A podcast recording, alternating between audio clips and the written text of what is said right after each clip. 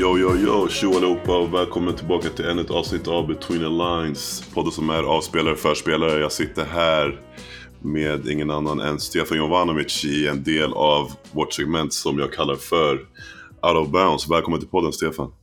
Tack så jättemycket Elias. Hur är läget och vad har det för dig? Nej men det är ganska bra. Jag kom hem från, eh, vi snackade ju lite grann om det precis. Jag kom, kom hem från, eh, från jobbet för en timme sedan ungefär. Och har hunnit käka lite grann. Och, eh, sen har jag i ärlighetens namn haft haft skuldkänslor för. Vi har ju pratat om att dels så har jag reachat ut till dig och frågat lite sådär halvt seriöst, halvt skämtsamt, när ska jag få gästa? Eh, men sen så har jag också skjutit på det så jävla många gånger. Så jag såg faktiskt fram emot eh, när jag kom hem från jobbet att jag äntligen skulle få sätta mig ner och prata med dig på riktigt. Eh, för... Eh, Annars så, annars är det ju alltid ute i vimlet här uppe i Stockholm som vi stöter på varandra. Under off-season ska, ska sägas. exakt, exakt.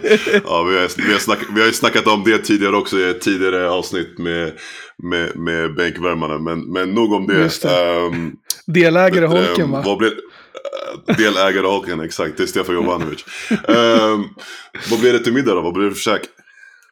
Nej, jag, eh, jag kommer ju från en, från en ortodox familj. Eh, mm. Alltså serbisk ortodox familj. Så vi fastar 40 dagar innan påsk.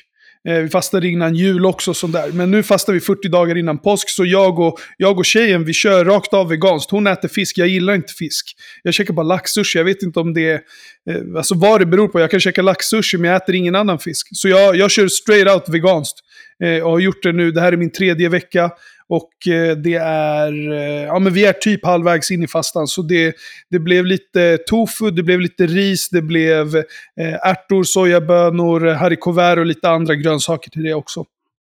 Jäklar, låter riktigt bra. Så veganskt, ja. det, alltså, det var du inte är beredd nice på. faktiskt att byta omväxling ibland när det gäller maten.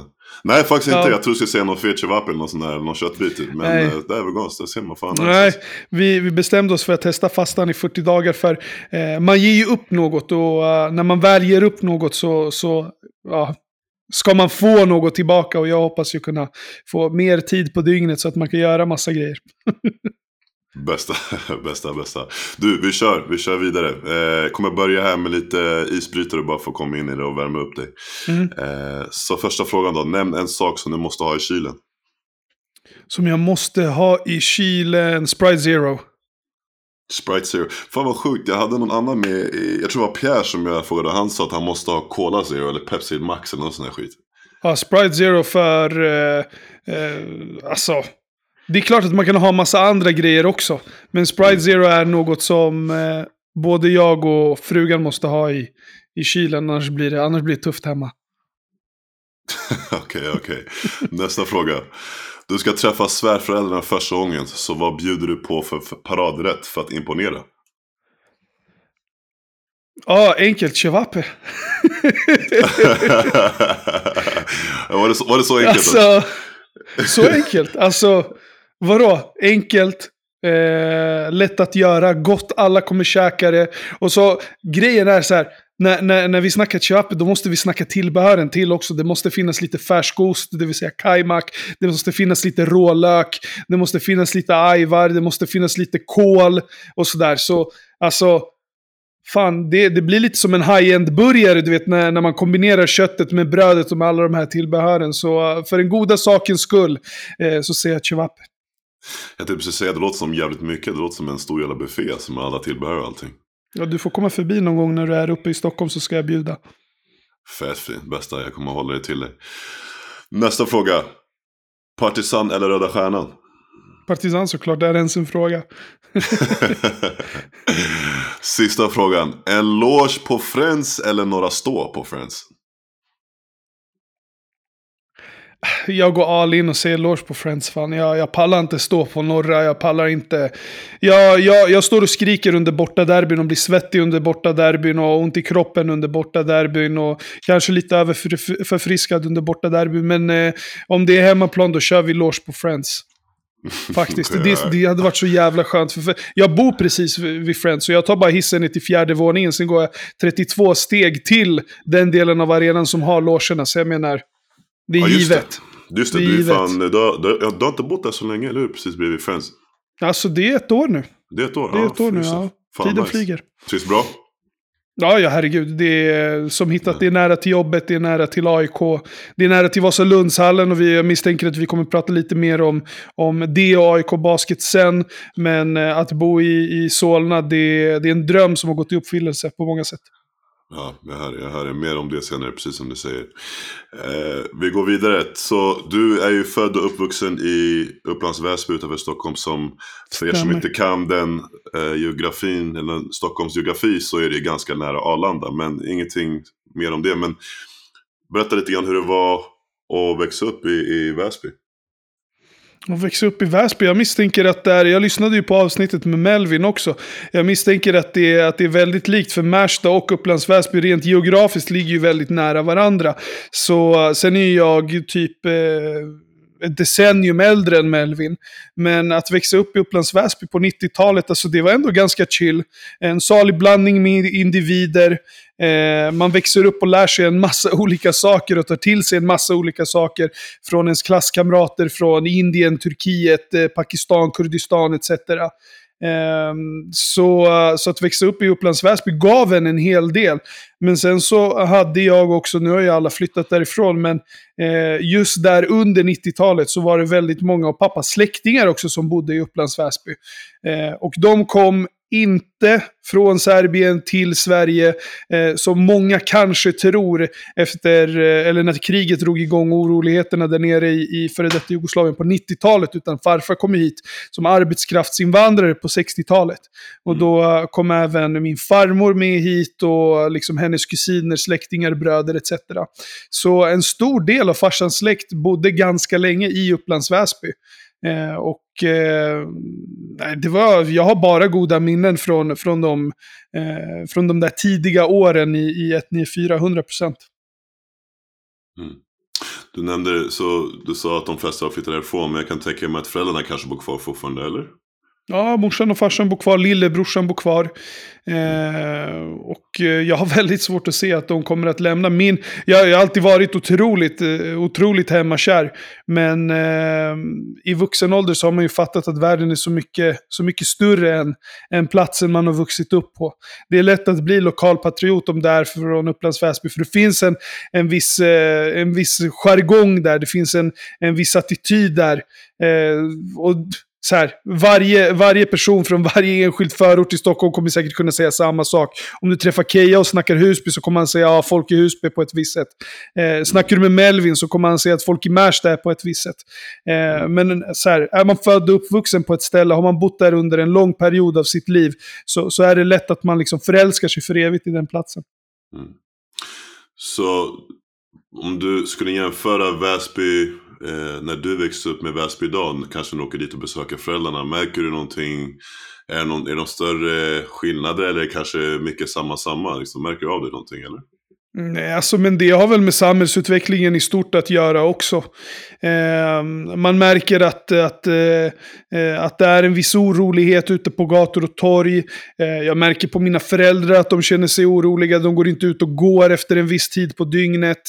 Eh, pappa åker ofta till Väsby station för att exempelvis hämta mamma när hon kommer hem sent från jobbet och sådär. Och, och det är väl inget som är unikt för Väsby så, utan det, det har väl med, med, med en ganska stor samhällsförändring att göra. Eh, där det under ganska långa perioder, liksom, eh, både skola och välfärden har, har eh, kanske inte prioriterats lika mycket som, som, eh, som jag personligen hade velat. Det är större skolklasser, det är, ehm, eh, det är färre fritidsgårdar, eh, det är färre liksom, eh, elevassistenter i skolorna. Och, och blir det så här så, så är det ofta lätt att, att människor hamnar, hamnar eh, lite utanför eller mellan stolarna. De får inte den, eh, den uppmärksamheten de, de kanske behöver i en viss ålder. Eh, och samma sak med socialtjänsten. Så här, kan du inte plocka upp till ungdomar i, i en tidig ålder, ja, då, då hittar de sina egna vägar och då kan man hamna lite vart som helst, tänker jag. Mm. Du kom i alla fall in på basketen så småningom när du växte upp där. Men innan vi pratade om det, prövade du några andra sporter när du växte upp? Eller var det bara direkt in på basketen? Alltså, tror det eller ej, men jag började, alltså första sporten jag, jag började liksom utöva, det var, eh, det var simning. Så mina föräldrar satte mig på simning, inte mm. för att de hade någon, eh, någon liksom vidare tanke än att jag eh, ett skulle lära mig simma och sen så, eftersom jag tyckte att det var kul, så lät de mig bara fortsätta. Eh, därefter så, så kom ju basketen och då fick man välja lite grann eh, där vad man, skulle, vad man skulle köra på, för det var samma dagar som träningarna var. Eh, och under tiden jag spelade basket så var det lite fotboll också för den delen. Eh, men eh, i takt med att längden, eh, längden sköt iväg lite grann där när man var 14-15 bast så, eh, så, så satte jag mig ner en, en eftermiddag med farsan och sa du, det, det, det är dags att välja basket. Jag tror att det är rätt för dig. Och han kanske hade rätt, kanske inte. Vem vet, jag hade kanske blivit någon ny Zlatan Ibrahimovic eller Alexander Isak. Men eh, eh, det blev basket i alla fall till slut. Sen har jag spelat amerikansk fotboll också, men det gjorde jag i vuxen ålder. Var wide receiver i Arlanda Jets. Eh, okay, för, för, för, en massa år sedan. Jaha, så du har ändå prövat på ganska mycket. Men hur, hur eh, duktig var du på simning då, skulle du säga? Eh, jag var inte, jag var alltså... Visst, man simmade och det där, men min första tävling så var jag så otroligt nervös och övertaggad att jag svalde otroligt mycket vatten. Eh, och jag, alltså, jag, jag svalde så otroligt... Det, det, jag höll på att spy i poolen. Eh, för att jag svalde så mycket vatten. Och den här, den här nervositeten, den bottnade i att när jag väl skulle tävla, så såg jag att alla hade på sig tajta speedos. Men eh, du kan ju tänka dig liksom Sverige början, eller, i mitten på 90-talet och du kommer med tajta speedos till, sim, till idrottslektionen. Folk kommer ju reta sönder dig. Folk kommer kalla dig för, för det ena och det andra. Så jag hade ju på mig mina, mina feta quicksilver-shorts och skulle tävla med dem. Eh, och då kände, jag mig, då kände jag mig utanför på ett helt annat sätt. Eh, det var ju aldrig som att min, min tränare hade sagt till mig att Stefan, man brukar ha Speedos på sig. Jag ville helst inte ha liksom den där kulan där fram, för att man hade en kall pitt. Jag tänkte precis säga, jag tänkte leave it alone det där du sa. Ja, men du fattar ju grejen. Alltså, låt, oss, låt oss vara ärliga. Mitten på 90-talet och, och, och, du är i, vad vet jag, Vällingby simhall eller någonstans och ska, ska köra med klassen. Har du på dig Speedos? Ett, de kommer kalla det för stringisar. Två, grabbarna kommer reta sönder dig hela, alltså resten av terminen. Då, det är ju ingen ja. som kommer glömma det. Ja, I absolut värsta fall så kallar de dig för något homofobiskt. Ja, sanning. Det, var, det, det är sant. För jag kommer ihåg själv när man växte upp så var det ofta ja. så när man gick och badade på sommaren så hade man alltid på sig typ kalsonger och basketshorts över. Alltså, vilket mm. var jävligt tungt. Alltså det blev mycket mm. alltså, motkraft ja, när man mycket hoppade ut och och simma. Exakt, ja. så det var inte alls lätt. Men uh, ja, different times. Uh, vi går har kommit till... längre, tur det. Ja, sanning.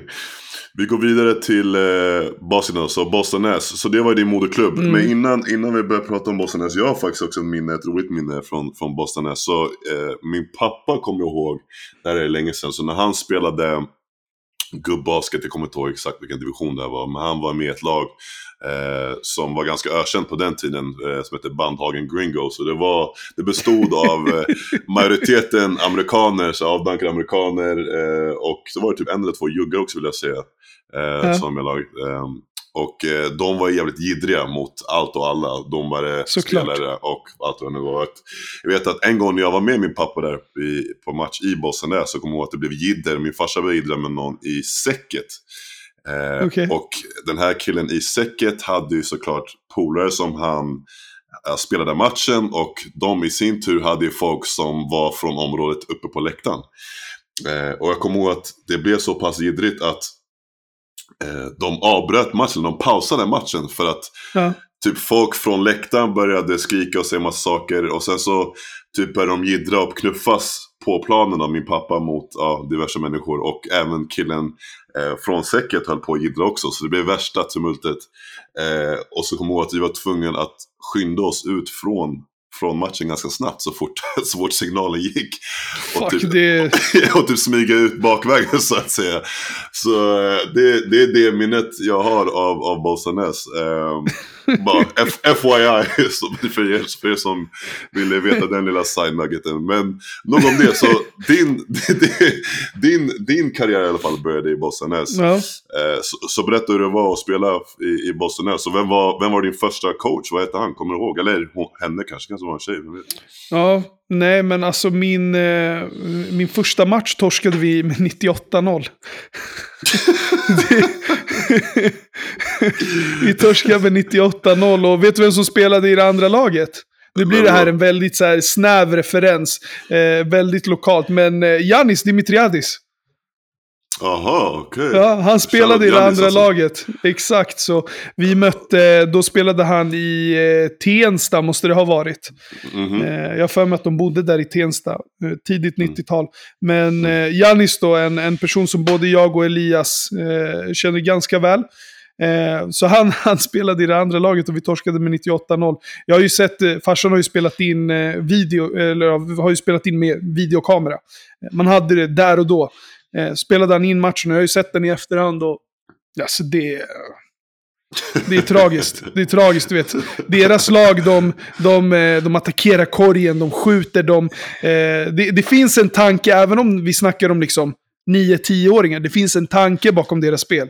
Vi, vi, vi springer ju runt som, som yra höns. Någon knyter skorna, någon går till bänken och ska dricka vatten, någon står och typ, eh, fan vet jag, drar ner shortsen. Alltså det, ja, det är tragiskt, tragiskt. Men eh, Bostanäs, det är, det är en ganska fin förening att, eh, att växa upp i.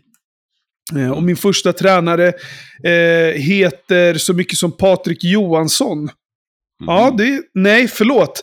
Malin, Malin och Alexandra var mina första tränare. Mm. Eh, har ingen kontakt med dem, vore det konstigt om jag hade det. Men, eh, och det var ju liksom basketskola de var. De var tränare. Eh, de var två unga tjejer, jag tror att de typ gick på gymnasiet när, när de hade oss, eller i, i högstadiet i, i grundskolan. Så med dem så fick jag inte med mig så mycket mer än att jag lärde mig att studsa en boll. Men det var inte förrän eh, jag sen hade Patrik Johansson eh, som, som tränare. Eh, Patrik Johansen och Thomas Johansson. Som då mm. är eh, Patrik Johansson och inte Johansens eh, äldre brorsa. Så de tre människorna hade i alla fall ett, eller lämnat ett ganska stort avtryck hos mig. Och mm. um, nej, jag, jag har väldigt goda minnen från Upplands, från Upplands Väsby och, och Bollstanäs. var ju också i den föreningen som, eh, som man fostrade som spelade, spelade med ett år äldre grabbar. Eh, mm. och hade egentligen ingen aning om hur saker och ting såg ut utanför den här eh, P90-serien, typ division 2 eller vad fan det hette på den tiden. Mm. Eh, så jag hade, jag hade absolut ingen aning om vad, vad som fanns utöver det. Min ambition var aldrig någonsin att bli proffs eller att ens komma, komma till något ungdomslandslag eller någonting. Jag spelade basket för att jag tyckte att det var kul. Mm. En fråga angående den där matchen när du sa att det blev 98-0. Eh, var ni mm. någonsin nära i den här videon? Var ni någonsin nära på era mål? Era poäng? alltså, det var ju några gånger man, eh, man, man slängde bollen upp i plankan liksom. Eh, men men jag, har väl, jag, jag, har inget, jag har inget minne av att det var någon boll som, som ens nuddade ringen. På den nivån var det. Wow. Alltså vi hade ju typ tränat basket i, i kanske två månader, tre månader innan eh, innan vi, vi gjorde vår första match. Så det, vi fattade ju ingenting. Hur många poäng hade Janis? Ja, säg det. Säkert hälften minst. Jag, det, det, är så här, jag, jag kommer ju ihåg honom. Jag kommer ihåg honom från den tiden för att, för att han var så jävla bra. Mm. Han slaktade oss allihopa. Han var lika liten som han var sen när vi var 15, 16, 17. Så liten var han då också. Mm. Eh, men han var, han var så jävla bra. Det, mm. det var löjligt. Det var löjligt. Men eh, ja, det, var, det var en uppförsbacke efter första matchen, minst sagt. Så du fattar ju varför jag inte hade några höga ambitioner. Men hur, länge, hur många år spenderade du i, i Bollstanäs då? Jag började när jag var nio eller tio och var där tills jag var när fan drar uttagningarna till Micke Herkel igång? Det, det får du hjälpa mig med. Det var så jävla länge sedan jag, eller du är ju bara ett år yngre så det är inte som att du har... Två, jag tror att det är 14, 15. 14 va? 15 14, 15 ja. Ja, gissar jag på i alla fall. Eh, ja, men så fyra år var jag i, eh, i Bollstanäs eh, första vändan. Jag kom ju tillbaka eh, dit senare, men fyra år var jag där första vändan. Eh, och på tal om det där att inte veta hur saker och ting ser ut utanför P90 division 2. Eh, jag fattade ju hur världen såg ut först när jag gick på, på uttagningarna till, till Micke Herkel. Mm. För då fick jag ju träffa andra spelare i min ålder. Mm. och, och köra med dem. Jag, jag hade liksom, för mig var det, eh, ja du känner ju Boris också, ytterligare en snäv referens, men Mm. eh, för mig var det Boris, Patrik, Ödjan, Allen och resten av grabbarna i Bollstanäs. Jag sket ju i allt annat. Mm. Eh, men tydligen så var jag tillräckligt bra för att skickas på uh, distriktslagsuttagningen eh, med, med resten av eh, de bästa spelarna från, eh, från eh, eller som var födda på, eh, 1991 i Stockholm. Ja, precis. För du, du säger ändå att du... Jag menar, det första nämnde ni liksom torska matchen 98-0 med att spendera fyra år. Men du känner ändå att du blir bättre där och, att, och så bra nog att du blir, blir eh, kallad till Micke Herkel och, och uttagningen. Såg du själv då, märkte du själv att du blev bättre och bättre och bättre? Liksom? Eller var det så att du fortfarande bara körde för skojs skull för att du bara ja, ville helt enkelt? Ja, alltså med, med grabbarna i, i P90 så... Eh, alltså, man, man märker ju till slut att... Det, det är ganska oundvikligt, men man märker ju till slut att man är lite bättre än många andra. Eh, och sen att det bara fortsätter. Och jag märkte nog... Eh, det var en säsong... Det var en säsong där eh, saker och ting inom citationstecken lossnade på riktigt. Eh, och när det lossnar på riktigt för någon som mig, eh, så, så menar jag alltså att det är liksom, det, det är 20 plus matcher varje match. Mm. Minst. Jag gör 46 poäng i en match. Och helt plötsligt är det så här, shit fan jag, jag kanske är, jag kanske är rätt okej. Jag spelar med ett år äldre grabbar, visst det är i, i den tredje högsta serien, men fan det, det, det kanske finns något här. Mm. Jag, jag är inte klappkass liksom. Mm. Eh, och då är jag född sent på året också, så jag, jag började ju växa ganska mycket senare än alla andra. Jag har ett ganska tydligt minne från Göteborgs basketbollfestival 2001, tror jag att det är. 2001 eller 2002, jag vet inte. Så jag har alltså spelat basket i vadå? Ett, två år. Eh, och eh, grabbar börjar ju växa ordentligt där vid 13-14. Eh, och uh, ja, men Boris och resten av gänget, och de skjuter ju i höjden. De får, de får den här lilla, lilla tusenfotingen under näsan. Eh, de får lite mörkare röster, de får lite finnar, de blir lite kralligare och sådär. Men eh, lilla Stefan är ju fortfarande lilla Stefan. Mm. Jag är liksom ett, ett huvud kortare än dem. Och för er som inte känner mig eller vet vem jag är, så, så här, idag är jag nästan två meter lång. Men där och då, så det, det, det, tog ganska, det tog ganska hårt på mig. Så gick det en sommar och så växte jag 14 centimeter, men det, det, det, det är en annan story. det, går, det går så fort ibland. Ja, men, fan men, alltså. Men eller, alltså, du, spe, du spenderar några år där i Bossnäs och sen så Mm. nästa steg blir ju att ta det till Solna Vikings. ehm, som, Mm, och det var i samband med distriktslagsuttagningen. För Okej. eh, farsan är ju som en, som en klassisk, eh, eh, det här blir ju ganska stereotypiskt nu, men han blir ju som en klassisk juggefarsa och kollar på mig och bara, nu är det dags för dig att gå vidare. Jag tror att det här är, jag tror att det är dags för dig att släppa det här. Mm. Så, Mm. så, så han säger att det finns två alternativ för mig. Antingen så drar jag till Täby, eller så drar jag till Mm. Solna Vikings. Eh, Ja, för att okej, det är de klubbarna. Täby kanske? Jag hade lika gärna kunnat tagga till Täby, men jag drog till Solna för att, eh, för att eh, förbindelsen rent eh, kommunikativt var, var mycket bättre. Det var ju bara att sätta sig på pendeln från Upplands Väsby. Hade jag åkt till, Mm, till Täby så hade jag varit tvungen att åka till Sollentuna och ta buss därifrån typ. Ja, Eh, eller åka in till...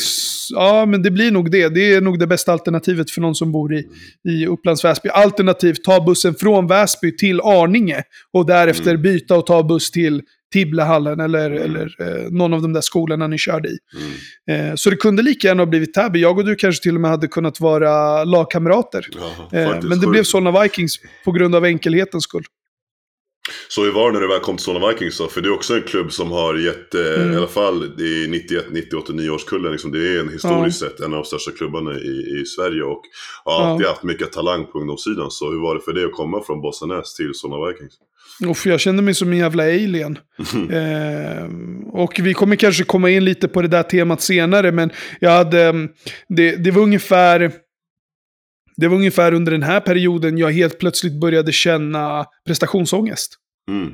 Alltså otrolig prestationsångest. Mm. Eh, innan jag drog till Solna Vikings och, och tränade med dem så var jag också tränade med... Eh, eh, med eh, Frysen, när de hette, vad hette de då? Söder. Söder Basket va? Ja. Så jag var och tränade med dem och det var i samband med hela den här satsningen med litauerna.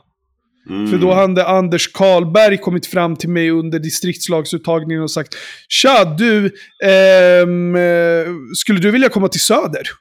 Alltså bara så, rakt på. Eh, Mm. Okej. Och jag fattade ingenting och var så här, ja men eh, eh, du får gå och prata med min pappa. Han bara, nej men jag pratar med dig nu, skulle du vilja komma och träna med oss? Och då Mm. vinkade jag till mig farsan och bara, jag, alltså jag, jag fattar ingenting, vad är det som händer? Helt plötsligt är det folk som snackar med mig, vad, lös det här typ. Så gick Mm. jag och bytte om och så snackade han med farsan, för jag, jag, det, blev så, det blev så eh, överväldigande för mig där och då. Mm. Eh, men sen så gick jag på, på och tränade med dem och de ville att jag skulle komma och spela med det där laget. Nu vet, mötte, du, mötte du dem någonsin? Litauerna Eh, i, söder? Ja, jag tror, ja, jag vet inte. Jag vet att jag var såg någon match för att då, jag är ändå 92 och de var ändå 90, 91, Ja. 89 tror jag också vissa av de där var. Det var flera stycken. Ja, nej, den, den satsningen jag snackar om, det var, det var enbart 91 Det var generationen Okej. med Playsir. Eh, Ja, jo, men jag spelade mot dem. Jo, Ja. jag. spelade mot dem. ja, Men då var och sen jag så var det också, två riktigt stora litauer.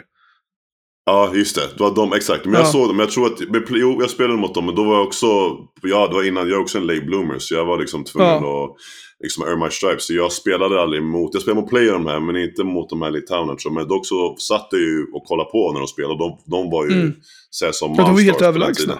Ja, ja, Ja. sjukt. Det var, det var läskigt. Alltså, Mm. Inte bara nog med att, eh, med att de kom från, från en miljö som var betydligt eh, liksom mer skolande än den kanske jag och du kom ifrån. För du lirade Mm. väl i typ Blackeberg då, eller? Eller var det... Var det nej, Blackeberg var Eh, senare. Det var senare. Nej, jag var i Täby då faktiskt. Det var i Täby, ja.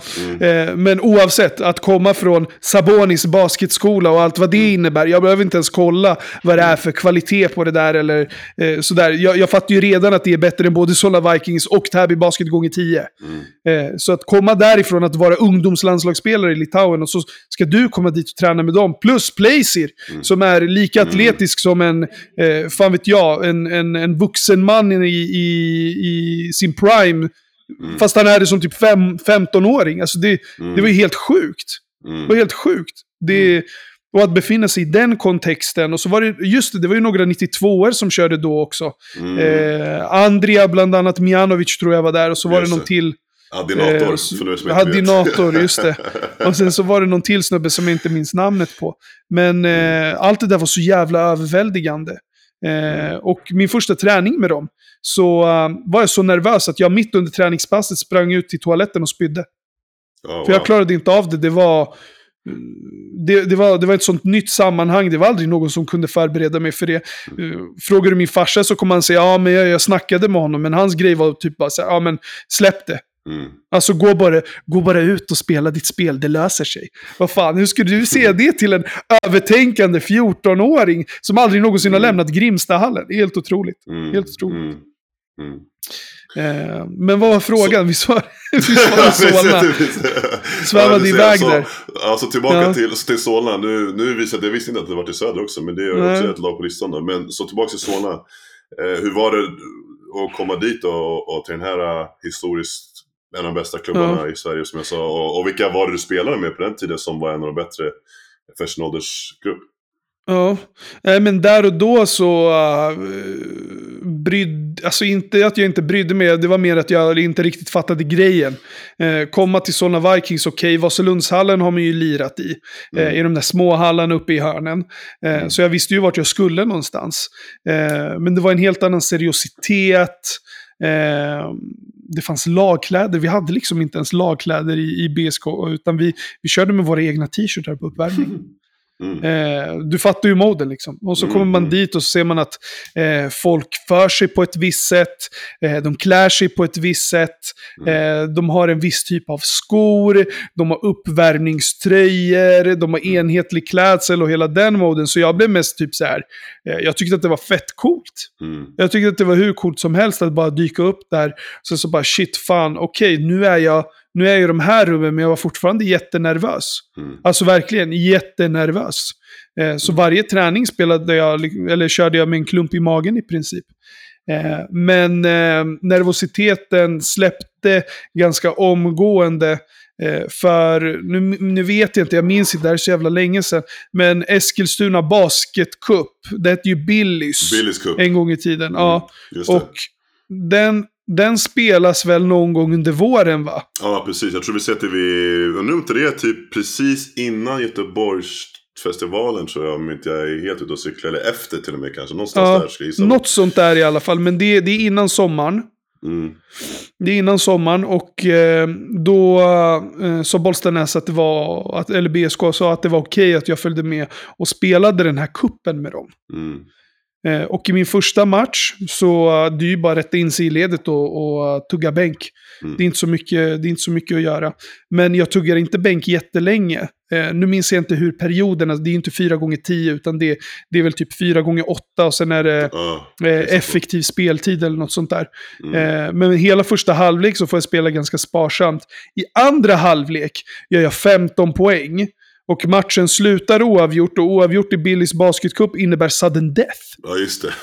så, Ja, så, jag random gör egentligen. 15 poäng, ja, jätterandom. Jag gör 15 poäng i andra halvlek. Eh, och sen i sudden death avgör jag. Okej. Wow. Och då är det en helt annan grej. Helt plötsligt är jag man of the hour. I Billys, i, game winner i Billys Cup. Ja, fattar du i första matchen dessutom. Första matchen jag lirade med Solna Vikings. Eh, och då är det en helt annan miljö. Jag får en helt annan respekt eh, internt i gruppen. Och eh, någonstans så köper ju folk att jag kan lira. Mm. Det. Eh, För det finns ju alltid en viss skepsis när, det vet du själv, när någon kommer och ska provträna med ditt lag och de kommer från, fan vet jag, Skuru. Eh, och ska köra och då är det lite så ah, vem Mm. fan är det han? Vem, ska, vem är han tror att han ska kliva in här och, och göra sitt? Men eh, nej, det gick hur bra som helst. Vi, vi tog silver i, i den turneringen också. Eh, och torskade finalen mot samma lag som vi slog ut i, eller som vi vann mot i, i eh, premiärmatchen. Okej. Så du sa att du fick nöta bänk lite grann där. Vilka var det du fick, fick Mm. sitta bakom då? Vilka var det som var nice liksom, i laget? Ja, det är nog ingen som är proffs idag. Eh, den som har kommit längst, eller har åtminstone haft längst karriär av alla oss eh, som lirade i den upplagan, det är vår broder Binyam Jigsaw. Binyam Jigsaw. Han är den som haft längst karriär av oss alla. Och det trodde man inte då. För Nej. Binyam där och då, eh, det, var, det var inte Binyam som vi ser honom idag. Utan eh, det var en ganska otränad kille eh, som inte brydde sig Mhm. så mycket om, om mycket alls i livet. Eh, Mm, mm. Så, eh, ja, Binyam är nog Mm. den som haft längst Ja, karriär av oss alla. Shoutout shout, shout Binyam Jigsaw. Alltså det, är en riktig Ja, legend. Alltså. Det, är, det är, speciellt i Stockholmstrakterna. De som vet, de vet. 100 procent, 100 procent. Vem var, vem var det som coachade då? Kommer du ihåg det? Eh, Tommy. Tommy Han eh, nej, inte Tommy Hansson, utan Tommy... fan heter han i efternamn? Eh, andra Tommy. Johansson? Eh, Luleå. Johansson, tack. Tommy Johansson. Ja, ja Tom Johansson. Mm. Tommy Johansson. Okej. Micke Johanssons Hur var brorsa. hur var- Som eh, folk kanske känner honom Ja. bättre som. Mm, vilka var, hur var det var han som coach då? För han har lite speciell jargong också kan jag tänka mig. Liksom, vara en grabb från Väsby Ja. och höra Luleå-tugget liksom, första gången. Eh, Första gången jag träffade en människa från Luleå. Eh, Så jävla spännande. och Tommy är ju på, på ett visst sätt som du, som du säger. Han, Mm. eh, inte bara det att han pratar på ett visst sätt, utan han är ju en jävla karaktär också. Eh, man fattar aldrig när han skojar och när han är seriös. Eh, man fattar aldrig när han kommer tappa det helt och springa in och vilja slå ner domaren. Eh, man, fatt, man, man, man har aldrig 100% koll på vilket eh, sinnestillstånd Tom Johansson befinner sig i. Eh, Men det är en Mm. oerhört bra människa. Och eh, också en människa som, som lärde mig fruktansvärt mycket där och då. Jag kom ifrån vilda västern nästan, vill jag påstå. Till att se struktur första gången i, i, i, i mitt idrottsliv. Så uh, Tommy Johansson är en fantastisk människa som, som, som har betytt väldigt mycket för mig som person också. Definitivt. Mm. Ja, shoutout Tommy Johansson. Jag hade också honom en, en kort stund när jag var i Blackaberg spelade när jag gick i gymnasiet. Han, eh, han var riktigt bra coach också. Han utma utmanade mig mycket och sådär också. Men han var tuff Mm. också. Han, var inte, han var inte rädd för att ryta ifrån liksom. Och, Nej, eh, nej, nej. Bara som han kan med sitt Luleå-tugg liksom och sin feta prilla Ja, under läppen liksom. Det var, det var Ja, alltså grej. den där prillan. Du vet, han, han eh, drev ju med... För alltså kolla, den, den, där, den där upplagan av sådana Vikings, det är ju liksom grabbar från, ja men dels jag från Väsby då, men sen också grabbar från Hallonbergen, Rissne, Mm. eh, Hagalund. Vi, vi Mm. kanske inte har 110% koll på, på, på allt utanför Mm. vårt område, om vi, om vi säger Mm. så. Eh, så alltså i, i ett halvår så gick Tommy runt och eh, sa till oss att Jim Enbom, som då lirade i Plannja, hade han, han har ju ett ganska, han är rakad skalle. Eh, och så har han liksom något Mm. som skulle kunna se ut som en snusdosa i bak, eh, bak, alltså längst bak på, på skallen. Hans kranium är liksom format på det sättet. Så då ljög Tommy för oss att Jim Enbom har opererat in en snusdosa alltså i, i, i sitt huvud. För att han älskar snus så mycket. Och vi bara, aha, Jim Enbom har en snusdosa i bakhuvudet. ja, jävlar, alltså det där. wow, okej, ja, där ser man. Du fattar ju nivån. Ja, jag fattar det bara. det bara. Jag kan bara se det framför mig, ni i det gänget. Ja, i alla fall. Ja, Jag, det- film om men- Binjam, Elias och grabbarna. Ja, Det är Ja, härliga exakt. tider. Nej, vi går vidare. Så du går från Sola Vikings eh, till Akropol. Eh, också Oh, shit, jag är fan imponerad. Imponerad att du har koll på Och, det där. Ja, men det jag försöker alltså. Jag försöker min research. Alltså. Nej, men du var där, du var Akropol. Rinkeby Stolthet var i, Mm. som också hade ett ligalag för, för många år Mm. sedan. Eh, väldigt speciell miljö för er som vet och, och, och kolla på matcher. Det var faktiskt det närmsta man kan komma i Sverige tror jag att vara på typ en, ja, men en basketmatch ute i Europa. Alltså just för hur stämning kunde vara där. Liksom. Det kunde vara liksom, hundra greker som Nu snackar du innan och AIK klev in i matchen va? Ja, okej. Innan AIK klev in i matchen. Fast, Läkt- fast det var innan- kort, det innan var AIK kort, Fast det var en kortare stund, så med, för Akropol var ändå med ett tag. Och Mm. AIK det var, det var upp och sen ner. Vi kan ta det sen, det kommer komma in på det mer sen i avsnittet. Men just, just med tanke på hur litet ungdomens hus egentligen är och Mm, mm. hur högt, högljutt det kunde bli det med tanke på, alltså, ja, vad kan det maxtaket vara för, för, för publiken? Kanske 500 gissar jag på, någonstans Ja, där. men det. Under tusen Ja. i alla fall. Ja, under tusen precis, men det kändes ibland som att det var över tusen, tusentals med alla greker som satt och skrek. Och de sket i, de skrek som vad som helst liksom. Ehm, Mm. Men i alla fall, så hur, hur var det för dig i Akropol sen då, att gå från Solna Vikings dit? Ja, nej, men jag lämnade ju Solna Vikings av en anledning. Jag hade en tränare där som heter Björn Hjalmarsson. Vet du vem Björn Hjalmarsson är? Yes, Björn Hjalmarsson ja, han är också legend. Han hade jag faktiskt när jag gick i Solna gymnasium, han var min BG-coach på den tiden. Så jag, jag känner honom väl. Ja, vad, vad får jag vara ärlig och fråga dig, vad tycker du om Björn Hjalmarsson? Alltså Björn var tuff, alltså han var skittuff. Men alltså jag, jag diggade honom. Alltså, han var en sån här coach som verkligen eh, liksom hade ett öga för detaljer och liksom verkligen kollade på det minsta lilla liksom, och var petig. Men samtidigt pushade oss jävligt mycket. Liksom, och, alltså, jag ska inte ljuga, folk var ju, folk var ju rädda för honom. Mm. Alltså, det är inget snack om saken. Dels för att han hade jäv, alltså, han var fett stor, Mm. han var från Skåne, hade jävligt alltså, mörk Mm. röst och var väldigt så här, macho. Polis och sket i, dessutom. Liksom. Polis dessutom, exakt. Eh, men han var, eh, utanför planen var han faktiskt jävligt skön. Mm. Alltså väldigt, väldigt skön. Eh, men alltså jag hade ingenting, jag hade inga problem med honom. Men dock kan jag säga att det var flera av mina kompisar som jag hade BG med på den tiden Mm. som, som hade svårt med Björn. Mm. Liksom, och, och som tyckte han kunde vara lite tuff. Så jag kan nog tänka mig vart den här Ja. konversationen på väg. Ja, vi behöver inte gå in närmare på det, du har redan beskrivit Björn ganska väl. Men jag generellt har oerhört svårt för auktoritära ledare. Det vill säga människor som Mm. bara skriker, som bara klagar hela Mm. tiden, som hela tiden har input på precis allting, som aldrig låter någonting slide. Eh, Mm. Men som inte heller liksom kan ge dig tillräckligt mycket kärlek för att kom, alltså kompensera för det. Så jag lämnar ju Mm. sådana Vikings på grund av den där breda skånskan från sidlinjen eh, som aldrig fick mig att känna mig hemma. Eh, och bytte Mm. då, drog till, eh, till eh, Akropol faktiskt också. Tillsammans med eh, Yanis Dimitriadis. Vi, vi tog vårt pick, och pack Mm. båda två och drog till, eh, till Akropol. Sen var, jag spelade ju med din brorsa där. Eh, en säsong. Det var deras första år i, tillbaka i basketettan efter att ha åkt ur ligan. Och de hade ju varit i ligan i ett par år liksom, och så hade de åkt ner igen. Eh, så det var, jag tror till och med att Christian Kotras var där innan han drog till Cuesta College eh, utanför San Luis Obispo tror jag att det är. Eh, och varför jag vet det Mm. är för att jag har varit i St. Louis Obispo och sett att Cuesta College ligger där. Men sen så kan det ju finnas Cuesta College på hundra andra platser i USA, det vet ju du bättre än jag. Men eh, Mm. Akropol blev det och eh, det blev fan inte bra alltså. Det blev inte bra alls. Varför? Va- vad hände där? Varför? Nej, varför men eh, alltså... Den här Bobby Knight. Du vet att Björn Hjalmarssons stora idol var Bobby Knight. Okej, Ja. Hans, hans stora idol var. Bobby Knight. Ehm, och, och liksom så här...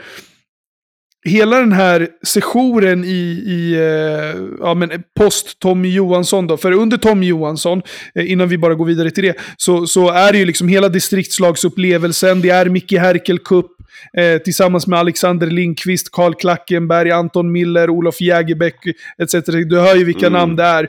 Ehm, och för de som lyssnar Ja, på det här, bra det här var bra spelare. Eh, för oss som var tidiga 90-talister. Riktigt bra Det här är spelare. liksom top tier. Riktigt ja. bra spelare. Ehm, Så jag går från det till att överväga att sluta att spela inom loppet av ett år. På grund av Björn Hjalmarsson. Ehm, Och jag drar till Akropol och det blir liksom Wow. aldrig någon... Det blir aldrig något lyft där. Eh, för... Eh, det kanske var en, eh, det kanske, det, det var, kanske, det, det var en ganska speciell grupp med individer också. Eh, oerhört bra, bra eh, på basketplanen, men eh, utanför plan, nu ser jag inte att din brorsa är en del av det här, för det är han inte, men utanför plan och i omklädningsrummet Mm. så var det en helt annan jargong och jag var ju, vadå, 17 bast. Eh, och kommer dit och eh, Mm. det var rått, eh, det var hårt. Det är mitt första senioräventyr, inom citationstecken. Eh, och med det så tillkom liksom inkilning och hela den moden. Och eh, jag kom liksom aldrig in i det för eh, jag vill inte vara där. Jag blev bara tröttare och tröttare på basket. Det var, det var, det var ett alldeles för hårt klimat i laget för att jag skulle känna att jag, att jag passade in. Eh, men bland de människorna där då så fanns det en snubbe som heter eh, Abraham Wiklund. Som eh, lite grann tog mig under sina vingar. Abbe. Abbe. Också en av alla, eh, alla Stockholms legendarer. Eh, tog mig lite grann under sina, sina vingar för han, han fattade väl kanske någonstans att, att jag behövde det. Eh, så eh, han var faktiskt den som, som eh, fick mig att inte sluta. Okej. Okej. Genom att bara vara Vem var det där. som coachade då? då? Vad sa du? Vem var det som coachade er då? då i, i... Det var, det var en gre, grek-kanadick. Eh, vad heter han? Jorg, inte Georgios, eh, Jorgos, utan eh, George, han som var, hade pojkar 92 i Solna Vikings. Med Anton Marra och just det, vad fan hette han? Heter han Ah, George? Just det, just det. Jo, han heter George. Jo, Ja. exakt. Han, han har gjort mycket bra grejer om dock. Många säger att han är fett bra. Ja, ja jag, jag har ingen aning, men eh, jag hade säkert PTSD från Björn Hjalmarsson. Så jag menar, det, det flög aldrig riktigt för mig i, i Akropol. Eh, det gick väl helt okej på träningarna, men eh, den här prestationsångesten, det blev ju bara alltså, mer och mer påtaglig. Eh, till slut så, så, så ville jag inte ens bli ombytt. Det var flera gånger jag, exempelvis under säsongens gång, eh, vart så här, ah, nej, jag, jag vill inte spela, eller eh, jag kan inte spela, eller så här, nej, men det är lugnt coach, eller du vet så här, för jag, jag, jag, jag pallade inte det. Eh, Så mycket av, av att Mm. spela basket för mig är kopplat till, till prestationsångest. Jag har knappt tag, tagit upp en boll, en basketboll i händerna sen jag slutade spela. Men det är väldigt intressant det du säger det här med, med coacher som sätter spår. För alltså det visar, även fast inte det här var på någon så här superhög nivå, det var på ungdomsnivå. Men jag tror att det är någonting som är väldigt aktuellt även idag. Som man är, alltså vare sig man är ungdom eller proffs. För jag vet att jag också har erfarenheten av att ha coacher som jag haft liksom, på tidigare nivåer eller i andra klubbar till och med som kan ha sagt eller gjort vissa saker som sätter spår. Och som typ skapar någon typ av mental låsning eller så PTSD om man ska vara helt ärlig.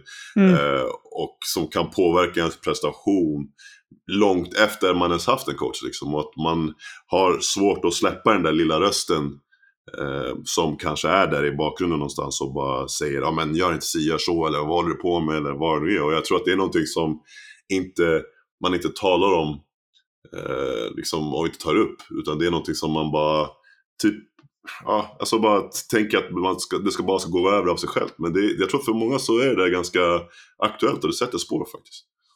Definitivt. Och jag menar, eh, när du är på en sån nivå, som ungdomsnivå, eh, de här, alltså, hur höga krav kan du ställa egentligen på en ungdomsspelare?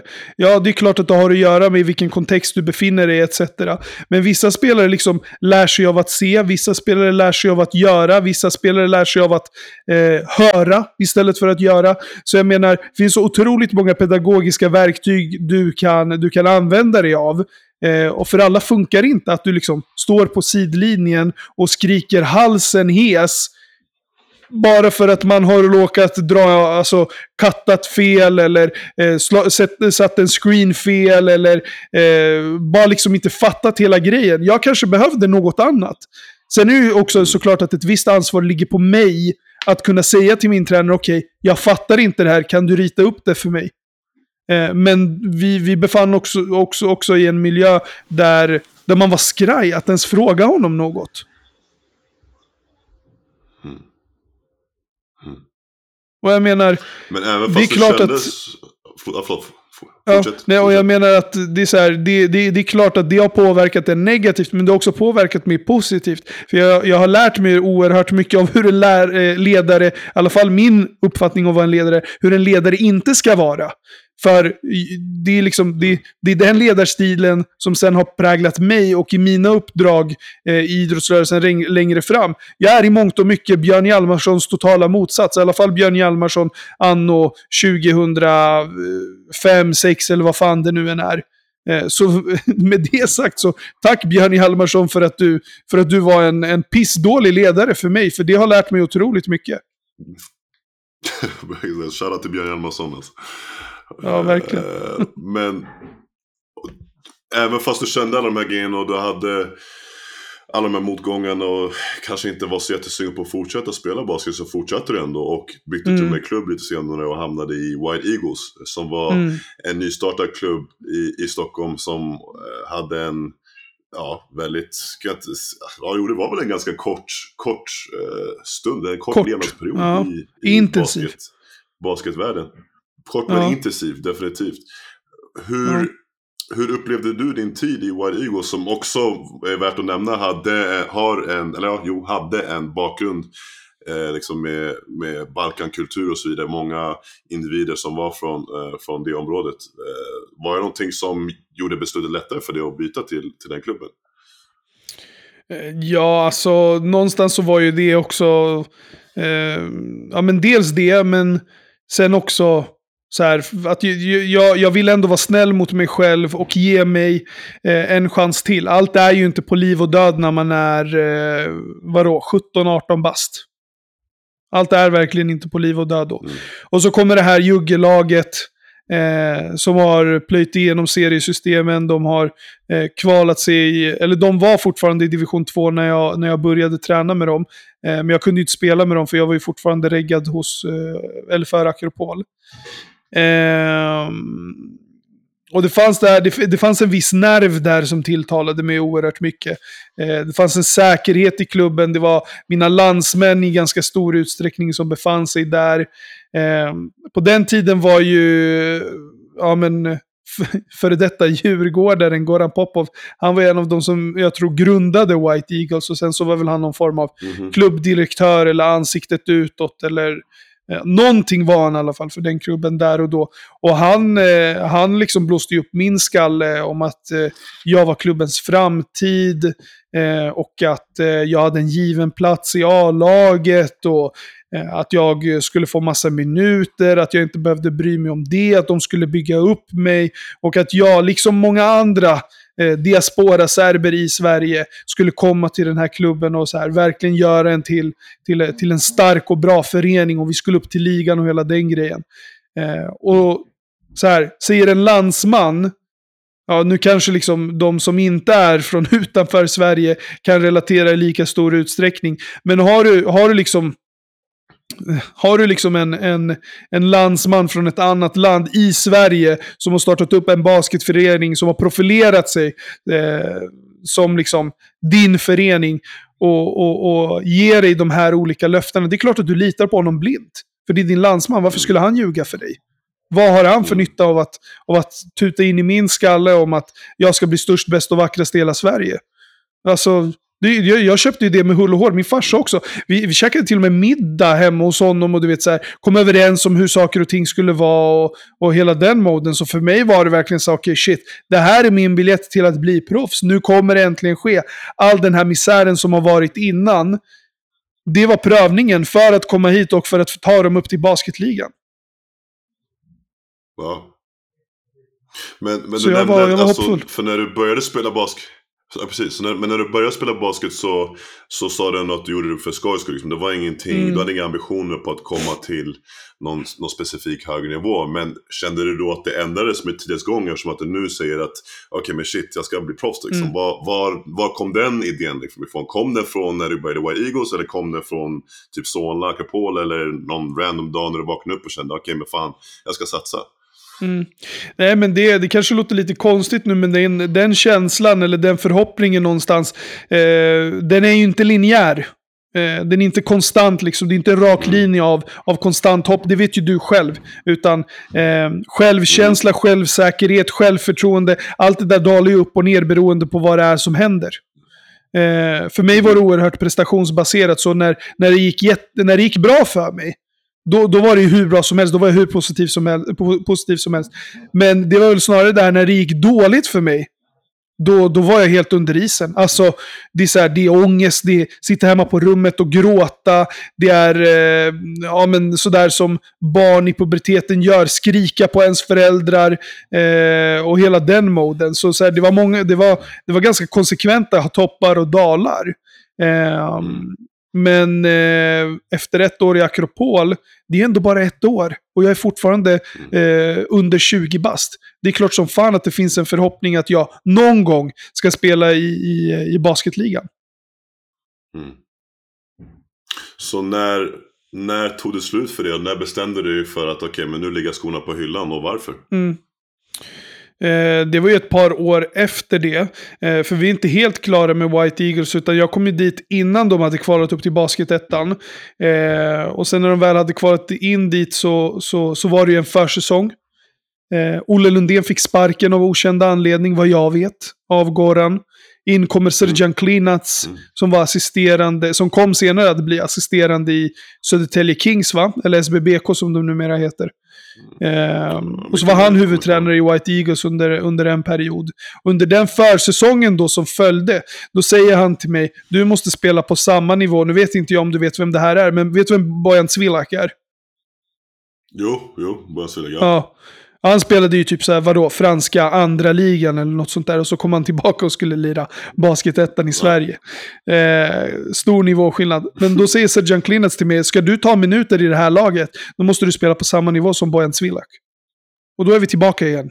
I det här att, Ah, fan alltså, mm. cut me some slack. Jag är, Jag jag är 18 bast, hur fan ska jag spela på, på, på samma nivå som Bojan? Ehm, Mm. Och eh, då skiter jag i det och börjar spela amerikansk fotboll istället direkt efter i Arlanda. I vadå, ett år. Eh, om ens det. Sen är det Bollstanäs i, Mm. tillbaka i Bollstanäs och är där i två säsonger tror jag.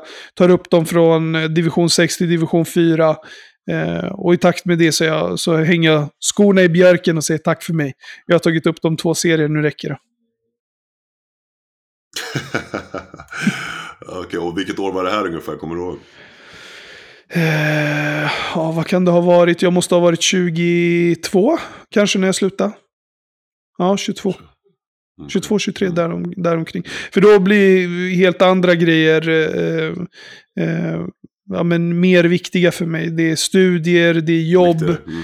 Ja. Eh, så det, det är annat man prioriterar där och då kanske. Och så någonstans så, så fattar man att man att man inte är en talang, att man, att man inte kommer att komma någonstans. Sen är ju, det är ju inte för sent. Jag menar, det, det tog ju hur lång tid som helst för dig att, Mm. att spela i den högsta serien. Nu minns inte jag hur gammal du var, 25 va? 24, 25? När jag spelade i svenska ligan menar du? Ja. Ja, nej, alltså, då, na, ja, alltså jag kom ju hem från USA när jag var 24, 23. Ja. Eh, så då åkte jag till Portugal och spelade. Jag var ju runt och, och utomlands ett tag. För att jag faktiskt, om man ska vara ärlig, ville inte spela i ligan under en längre prov. För att, just för att nej. på den tiden var ligan känd för, vilket den är nu också till viss del, att man spelade inte unga talanger, liksom, eller yngre spelare. Liksom. Man vara tvungen att nöta bänk. Och jag kände väl då att det var inte någonting som jag ville göra, utan jag ville spela spela liksom. Jag behövde mm. spela. Uh, så därför så var inte jag ute efter att spela i ligan faktiskt. Så jag, för jag hade också många ligaklubbar som, jag ska inte säga många, men jag hade ligaklubbar som tittade på mig, bland annat ja. Solna Vikings när jag gick i gymnasiet. Men, ja. men även då var jag väldigt såhär, nej men för att jag vet att jag kommer få nöta bänk, inte spela mm. och kanske inte utvecklas som jag vill. Så därför så valde jag att spela med Täby Basjätten istället för att sen sticka till USA. Mm. Så, Fattar. Uh, ja, alla har ju sina vägar liksom. Så är det. Och det där utlandsalternativet, det var ju aldrig något alternativ för mig. För jag, jag fattade ju inte hur saker och ting funkade. Mm. Utan var det så att jag inte spelade i högsta ligan i Sverige, då ville jag inte spela alls. Mm. Jag fattar. Men vi lämnar det. Vi, mm. eh, du nämnde att det kom saker och ting som var, som var viktigare. Så vi kommer komma in på det nu, vilket blir lite grann ditt nästa kapitel. Eh, just med basketen i alla fall. Så du var ju med eh, och startade igång hela projektet som kom att bli AIK Basket. Eh, som ja, nu, man kan, som man nu kan säga tog över eh, Solna Vikings eh, och allt vad Solna Vikings var. För att tragiskt nog så finns det ju knappt några minnen kvar eller någon symbolik kvar av Solna Vikings i Sverige överhuvudtaget. Eh, med tanke på den historien som den klubben har. Men den finns inte längre. Det spelar ingen roll om man går till eh, Vasalundshallen eller en Solnahallen. Det finns ingenting kvar av, av Solna Vikings. Så det kommer att bli AIK Basket. Eh, först och främst också vill jag gratulera till eh, framgångarna med, med damlaget eh, som nu Tack är sportsligt klara för att komma upp till SBL dam. Eh, förhoppningsvis så kommer alla pappers, pappers, allt pappersarbete skötas rätt och att allting går rätt till så spelar ni i, i damligan nästa år. Eh, men om vi går tillbaka till, till där det började då, så du var med och startade projektet och hur, hur kortfattat då, utan att dra in för mycket detaljer, men hur mm. började allting? Och det började med att jag tog en ganska lång paus från basketen, om vi nu ska dra tillbaka det så långt. Jag tog en ganska lång paus från basketen, PGA, liksom prestationsångest, besvikelse, ilska. Eh, så jag frilansade, vi kände inte varandra, men jag frilansade som sportjournalist under ett tag. Eh, och var bland annat på Expressen då snackade fotboll och sådär. Ehm, men sen så dök det upp en, ehm, en grej, typ min morsas Facebookflöde. Där Svenska Basketbollförbundet eh, gjorde någon, en grej med, eh, med Europeiska Unionen och då kunde man skicka x antal svenskar ner till eh, basket-VM i Spanien 2014. Eh, så hon skickar det här inlägget till mig på Facebook och bara, men ska du inte söka? Fan, du gör ju inget annat om dagarna. Hon fattar ju inte konceptet med att frilansa som sportjournalist. Så jag bara, ja, alltså jag, jag var ju tveksam, men eh, jag sökte skiten ändå. Skiten ska jag inte säga, det var ett ganska bra initiativ. Så jag sökte, eh, fick ett nej och tänkte, ah, ja, såklart att jag ska få ett nej. Ingen bryr sig om mig. Eh, min aversion gentemot basketen bara eh, blev, blev större. Eh, men sen så ringde faktiskt Lasse Nordmalm eh, som var projektledare för det här eh, hos Svenska Basketbollförbundet, ringde upp mig och frågade om jag ville ner till Spanien. Jag tackade såklart ja, för vem vill inte göra fem veckor i Spanien, speciellt när Serbien spelar. Eh, åkte ner dit, var där.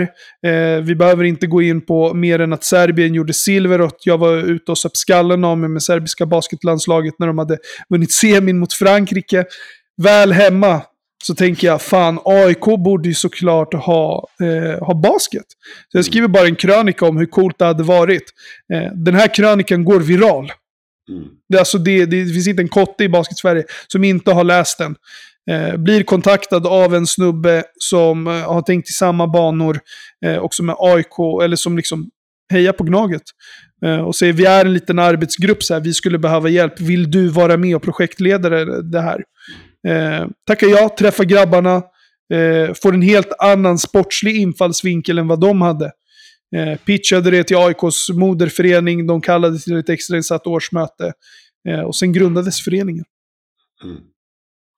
Och ni hade ju väldigt mycket framgång där tiden. Ni, kny ni knyter er an några riktigt bra spelare. Eh, mm. Ni hade bland annat Olivier Lunga, Erkan Inan, Serkan Inan som båda har eh, har, eh, har ett proffsspel i, från Turkiet på sitt CV. Och Olli som alla vet har spelat i landslaget väldigt länge och spelat utomlands mm. och varit på superhög nivå. Eh, ni kör igenom division 2, vinner alla matcher med ja, otroliga siffror. Lite grann som det var Bollstanäs 98-0, men alltså typ den, den, den nivån. Eh, och du vet, vi vann faktiskt en match med 109-10. Du ser. så det, det, är helt, vilket är helt sjukt egentligen. Uh, och ni får liksom en typ av buzz när ni också spelar derby då, mot Djurgården i Solnahallen där det är fullsatt. Och det är den fotbollsmiljön uh, på läktaren och, och, det finns på YouTube för er som, som inte uh, har sett det. Och det skapar liksom en typ av buzz kring basketen och vad svensk baskets framtid kan komma att bli. Så berätta för oss, du som var i hela det här. Hur var det just under den perioden i, i AIK Basket? Och det finns så otroligt många lager eh, till det här svaret. För eh, det finns ju liksom en aspekt på plan. Det finns en aspekt på sidlinjen. Det vill säga med laget utanför plan. Eh, och sen så finns det, finns det liksom moden på läktaren. och det finns, det finns det där livet som är utanför basketarenan och det sociala. Eh, och jag kan ju säga så här att det... Jag har nog aldrig känt mig, ur, ur mitt perspektiv, så har jag aldrig känt mig hetare i hela mitt liv. Eh, och det, det, det, det, det, det, det finns många olika... Alltså, det, det går inte ens att beskriva, du vet. Nu är inte jag en aktiv spelare så jag kan ju raljera hur mycket som helst om, om, om stökigheter. Men du vet, jag behöver aldrig stå i en kö till en nattklubb. När jag går ut och käkar, folk skickar antingen drinkar till mig eller betalar min nota. Eller någon i baren liksom känner igen mig och bjuder på, på sprit hela kvällen. Eller på middagen eh, på en restaurang. Eller vad. Alltså det, det, det, är så mycket, det är så mycket benefits man får med sig av att vara en framgångsrik aik att det är löjligt. Eh, lokaltidningen skriver om mig, Aftonbladet skriver om mig, Expressen skriver om mig. Eh, och jag är vadå, 24-25 år. Och när det blir, mm. när allt det här kommer, alltså verkligen så snabbt, för det gjorde det verkligen. Då, då är det lätt att man tappar skallen. Mm. Och kände du att du gjorde det då också? Att det var att du blev för big-headed helt enkelt? Ja, men alltså kanske lite grann för eh, det här blir ju något sätt så här, ett, min stora gärning till svensk basket. Eh, men sen också, alla de känslorna jag har från innan kopplade till basketen finns ju fortfarande kvar i mig. För jag är, ju, jag är fortfarande människa. Eh, och det mm. i kombination med kanske en viss kaxighet och, eh, och självsäkerhet som man inte var van vid där och då. Nu känns det ju som att alla försöker vara så på ett eller annat sätt. Eh, men, mm. Eh, men tidigare så var, det, så var det väldigt få som vågade sticka ut hakan. Eh, så. Eh, och um, det, det kunde man ganska tydligt märka när, när jag var i mer så här officiella sammanhang. Eh, folk kunde komma fram och du vet så här. Eh, ja, men jag, jag, det finns ett begrepp som jag, jag ofta använder mig av. Att de, de kände att de ville pappa mig. Det vill säga att de, de ville vara min farsa och säga åt mig hur saker och ting egentligen funkade och sådär. Jag hatar sånt. Jag har svårt för auktoritära ledare, nämnde jag tidigare. Men jag har också svårt för översittare. Så försöker du sätta dig på mig, då kommer jag, alltså, jag kommer sätta mig på dig 20 gånger om. jag, jag, jag, jag har så otroligt svårt för det där. Eh, och det var kanske lite det som, eh, som, som hände också. Du nämnde Djurgården och det, det, var kanske lite det som hände just där i division 2 med Ronny Kristensen, med Stefan Bergman och med Goran Popov. Eh, för alla de här människorna känner mig i olika sammanhang. Stefan Bergman hade jag dels i Solna Vikings, men sen också eh, med U18-landslag på diverse läger. Eh, när jag lirade där. Ronny Kristensen i egenskap av ungdomscoach, mött liksom lag som han har coachat etc. Och Goran Popov från hans tid i, i White Eagles. Så det enda jag kände att jag ville göra där och då, det var att ge alla de tre ett stort fuck you-finger. Mm. Det, var, det var jag mot världen. Mm. Mm. mm. Och var det det som kände var, var det, det som gjorde att det blev en sån eskalering sen. För jag vet att ni hade ju mycket hugg fram och tillbaka över mm. sociala medier bland annat. Men även kanske i lokaltidningar och så vidare. Eller även liksom bland andra människor liksom. Var det det som gjorde att, att eskalera liksom hela den här ja, men, beefen eller stämningen om man ska mm. säga? Ja, 100 procent. Eh, sen så så här, om vi ska vara helt ärliga, jag är liksom 23, 24, 25, eh, ung vuxen man, eh, och de är tre, tre medelålders gubbar.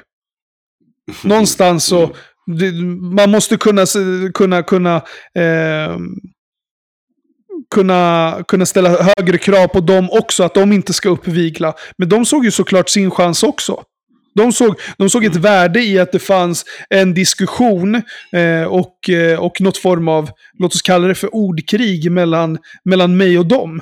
För, eh, alltså, där och då, det, det, är klart att jag, var, att jag var ganska reaktiv. Så fort någon, någon sa något, då skulle jag vara där och, och, och klättra på barrikaden och ge tillbaka direkt. Eh, nu är jag inte sån. Eh, såklart, nu är jag 31.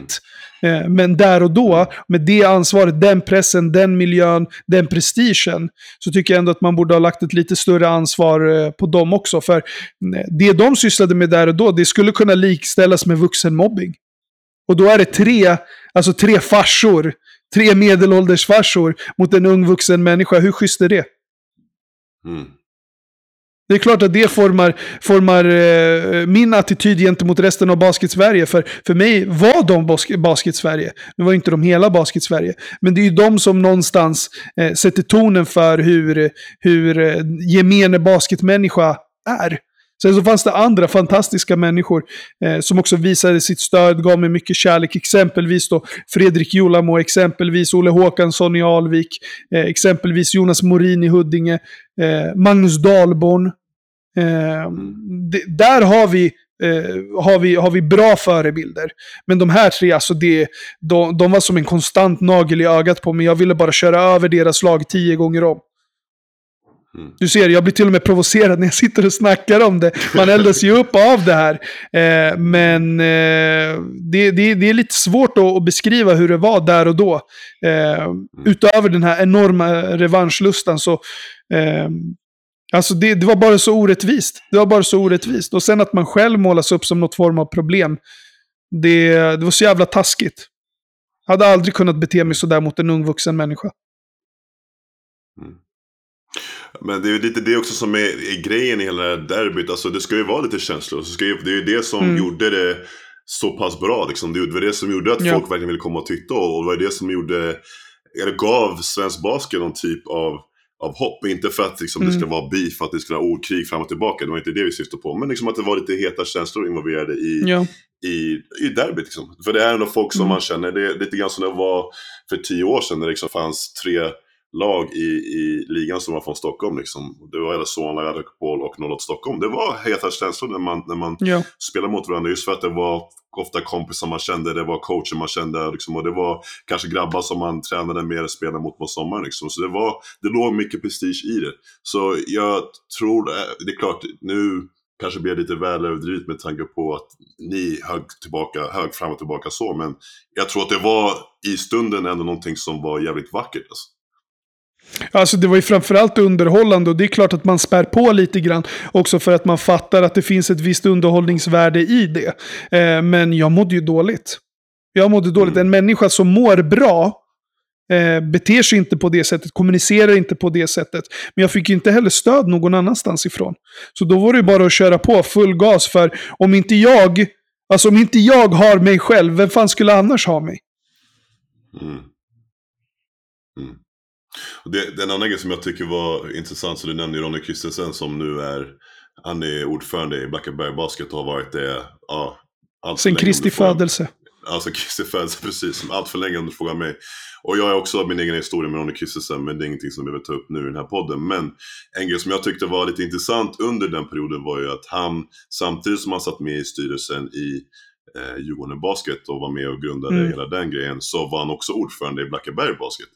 Och jag tyckte alltid att det var lite intressant och jag har aldrig riktigt fattat varför ett, folk liksom i, framförallt i Blackaberg liksom tillät honom att, att göra det, men även två, varför han ville göra det med tanke på att han alltid snackar om Blackeberg som är, liksom, ska vara hans, som, alltså, hans hjärta, liksom, han var med mm. från början och bla bla bla. Och sen sitter i två styrelser när båda de lagen också dessutom var i samma serie ett tag. När båda var i Mm. Basketettan, så de mötte ju faktiskt Ja. varandra.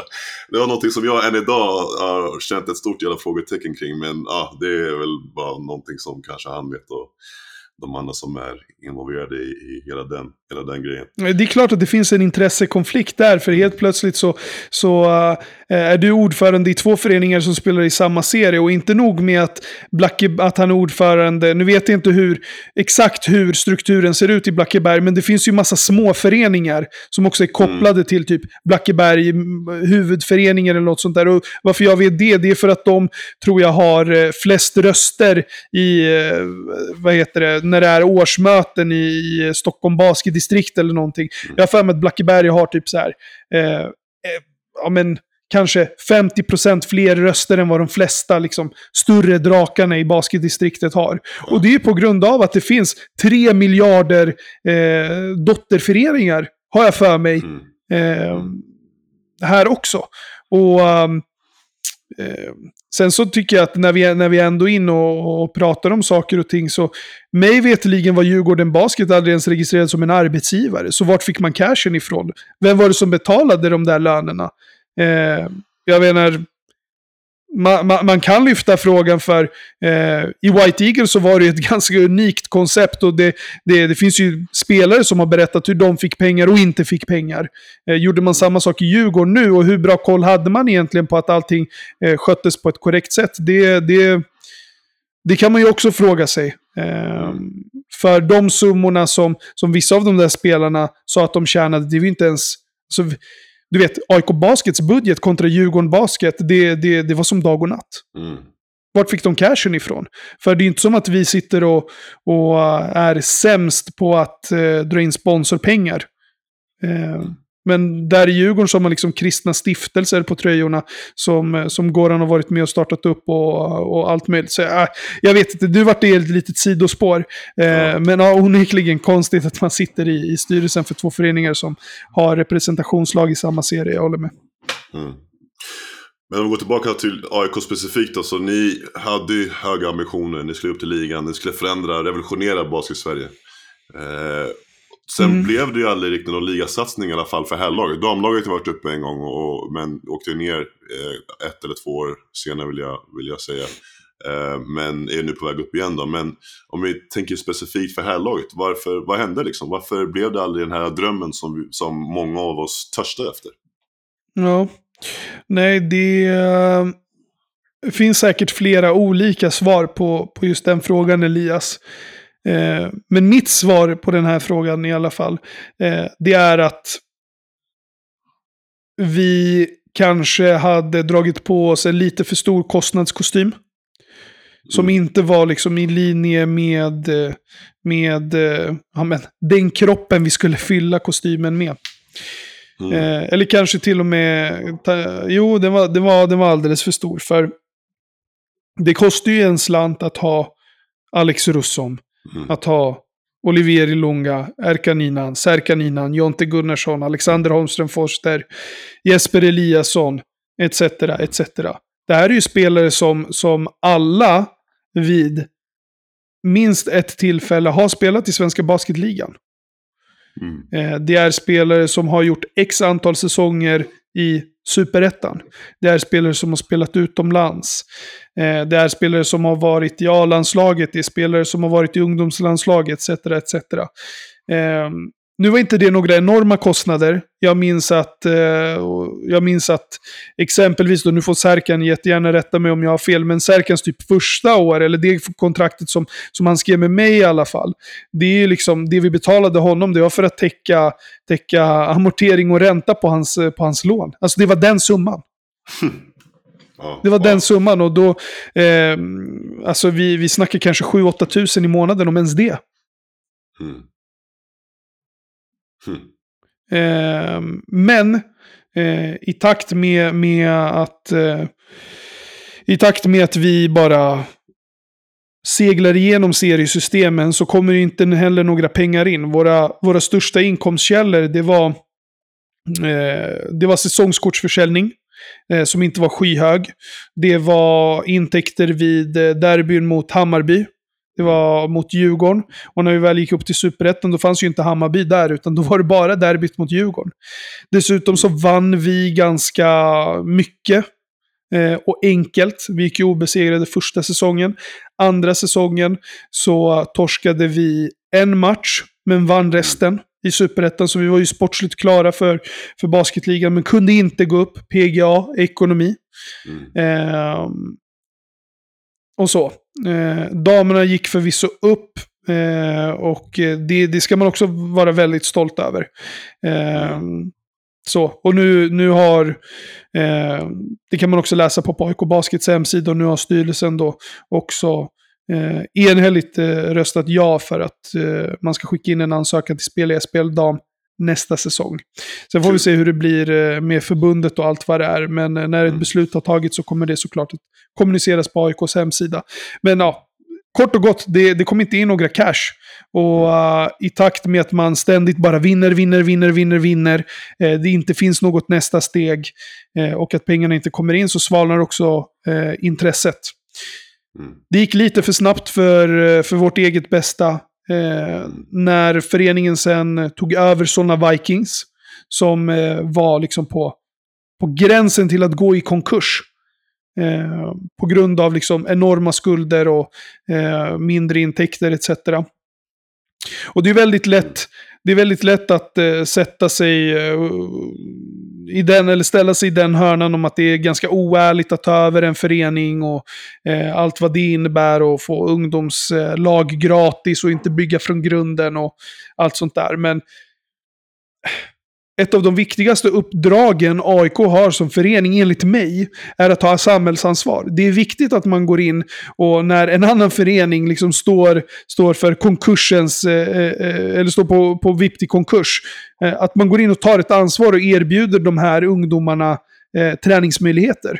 För i kommunen också så finns det ett visst upplägg där man, eh, ja, kort och gott, ha, är du en ny förening så är du inte, så, så, så är det, det, det är ett kösystem. Eh, är du en ny förening så kan du inte under några omständigheter gå förbi exempelvis sådana Vikings som har funnits hur länge som helst. Mm. Eh, så det är klart att saker och ting underlättar, men det handlar också om att ta ansvar för alla de eh, 400 ungdomar som också spelade ungdomsbasket i sådana Vikings. Mm. Du valde ju du är ju tillbaka nu i, i AIK igen då, men du valde ju faktiskt att lämna AIK där ett tag. Eh, varför? Ja, det, att ta över en idrottsförening är aldrig enkelt. Eh, och eh, nu kanske det här är helt fel, men en av de sakerna som jag åtminstone fick sagd till mig under hela den här processen med Solna Vikings, så var det att eh, Solna Vikings styrelse skulle gå med på att bli AIK. Eh, och en av kraven var då att jag inte skulle ha en beslutsfattande roll. Så du hör ju själv hur bajsnödigt det är när man inte vill att en 25-årig framgångsrik man eh, ska ha en beslutsfattande roll. Det, det, det stack dem alldeles för mycket i ögonen. Eh, att jag var den jag var eh, och att vi tog föreningen tillsammans eh, dit vi tog den och att eh, de var besegrade. Sen var jag bara det man fick offra för att det skulle ske. Jag, hade, jag, jag förstår precis alla som tog det beslutet. Jag satt inte i styrelsen då, utan eh, hade en operativ funktion i klubben. Eh, och jag förstår dem. Och så här, ingen är större än klubben. Jag hade, jag hade gladeligen räckt upp handen och gjort precis samma sak idag så, som för, eh, eh vad blir det, ja men, eh, sex, sju år sedan. 100 procent. Mm. Så jag offrades. Mm. Okej, okay, sacrifice at the stake som man brukar säga. Ja. Eh, men okej, okay, så nu, nu är du i alla fall tillbaka och nu är, sitter du ju faktiskt med i, i styrelsen. Så du har en, en annan roll idag än vad du hade, mm. hade då. Så vad tänker du kring framtiden om, om AIK Basket? Utan att försöka överhypa för mycket kanske, eller mm. ja, men, säga för mycket. Hur, hur ser det ut? Mm. Det finns egentligen inte något att överhypa utan eh, det här är en helt annan förening idag. Det är en mer, eh, det är en tajtare förening. Det är en styrelse som drar åt samma håll. Eh, det är positiva individer i den här klubben. Eh, innan så var det ju liksom någon form av, någon form av kollektionsregering i, eller kollektionsstyrelse i, i AIK, där det var personer både från sådana Vikings och från AIK. Eh, och det där är ju aldrig bra, eh, för den ena sidan gnäller hela tiden och berättar om hur det, hur det, hur det har varit, medan den andra sidan kanske är lite mer progressiv. Men nu är det liksom en ren AIK-styrelse med människor som bryr sig om AIK, som bryr sig om svensk basket. Eh, och det det är väldigt positivt. Eh, det är en helt annan stämning. Vi är också AIKs näst största förening sett till eh, antalet utövare. Så vi är till och med större än både innebandyn, hockeyn, eh, handbollen etc. Det finns ju en, ett gäng andra föreningar inom AIK. Enda föreningen som är större är fotbollen. Mm. Så, eh, och, och det, det, säger ganska mycket. Eh, när vi tog över Solna Vikings så var det 400-ish. Nu är vi uppe i snart 700 eh, utövare i klubben. Eh, så den har vuxit. Ekonomin är bättre. Eh, herrlaget är inte rent sportsligt. Kanske på samma nivå som den var eh, för ett par år sedan. Men damerna, vi ser att, att, att vi ens kan att vi ens kan ta det här steget, att vi ens kan skicka in en ansökan för SPL. De vittnar om att föreningen mår mycket, mycket bättre än vad den har gjort på många, många år. Mm. Mm. Kul. Så till de AIK-fans där ute som kanske ställer sig frågan när kommer vi få se ett lag i, i herrligan och i damligan? Att man har båda. Vad, vad säger du till dem? Eh, ni, kan, ni kan swisha till AIK Basket på 07... Nej, men... Skämt åsido, någonstans så, så handlar det om ett eh, gäng olika saker. Eh, dels handlar det om eh, idrottsytor i eh, Solna stad. Mm. Eh, det vill säga Solnahallen, eh, kan man spela där, potentiella intäkter där. Vasalundshallen, när kommer den renoveras? Hur mycket kommer den, eller inte hur mycket den kommer renoveras för, för det är relevant. Men hur kommer den se ut efter eh, renoveringen? Intäktsmöjligheter där, potentiella sponsorintäkter. För det, vi, vi kommer aldrig någonsin riska ungdoms ungdomssektionen till förmån för representationslagen. Det kommer aldrig hända. Mm. För, för det absolut viktigaste är att de har en plats att vara på, att träna på och att vara på. Eh, men elitverksamheten, där handlar det i mycket större utsträckning om att eh, få in ytterligare kapital för att kunna spendera. För har du inte pengar så kommer du inte kunna spendera. Eh, mm. Robert Jönsson, vår ordförande, har gjort ett fantastiskt jobb eh, tillsammans, med, eh, tillsammans med stora delar av styrelsen i att sanera eh, den här ekonomin över tid. Eh, jag beundrar honom, både som aik som, eh, som ordförande och som medmänniska. För det jobbet han har gjort de senaste åren, det kan ingen någonsin, eh, det kan ingen någonsin liksom eh, mäta sig med. Eh, hade inte Robert funnits i den här föreningen så hade den nog eh, eh, somnat in för ganska länge sedan. Mm. Mm. Shoutout till Robert då. Shoutout till Robert. Jag hoppas Verkligen. att det blir någonting som vi, många av oss har törstat efter. Liksom, att det blir någonting av den här drömmen som startades för, för flera år sedan med AIK Basket. Och att faktiskt till och med det kommer upp andra lag i Stockholm som kanske framförallt eh, tänker på Djurgården, kanske Hammarby. Eh, fast de också kanske är längre ifrån än, än vad ni är till och med. Men att någon gång i framtiden så kanske den drömmen går i uppfyllelse för, för många där ute som är fans av, av vår sport. Ehm, men vi lämnar AIK Basket och vi går vidare till Bänkvärmarna. Eh, det är ju en podd som du var med och startade med flera andra basketfreaks, basketfans. Eh, Nick Rajic, Sköldström, Jonsson och Adish Nimmerstam som, som var med från början. Eh, berätta, hur, startade, hur kom ni på att starta en, en basketpodd? Vems idé var det och, och hur började det? Vems idé det var är väl kanske inte så relevant i sammanhanget. Eh, men det började med att, med att jag frågade ifall vi skulle höras på Zoom. Det, det, det vill säga de personerna du precis nämnde plus eh, Max Wik från Luleå. Och jag tror till och med att Jonathan mm. Hubbe var, var med i den konstellationen. Att vi bara skulle höras på Zoom och, och snacka. Och då säger, då säger Jonathan Hubbe, fan starta en podd. Eh, så på den vägen, mm. Eh, den, vägen var det faktiskt. Sen så droppade Max Wik eh, efter ett tag. Jag misstänkte att det fanns någon form av jävsituation där i att vara kommunikationschef på BC Luleå och att driva en basketpodd. Men det blev i alla fall jag, Addis, Henrik gånger två eh, och eh, Nick som, som drog igång det här. Mm. Och varför just ni? Hur kommer det sig att det var just ni som startade? Liksom? Var, varför var det inte någon annan individ? Mm. Liksom? Var det så att ni satt på sociala medier och diskuterade mycket basket och att ni bara kom in på det naturligt? eller? Ja, men så var det. Vi hade ju twittrat med varandra under ganska många år. Sen så hade jag och Nick en, en viss relation från eh, min tid i AIK. Eh, Skölden är ju också en av de här människorna jag har lärt känna under, under resans gång och som har varit en otrolig eh, ett otroligt bra bollplank och, och, och en eh, mentor för mig under stora delar av mitt liv.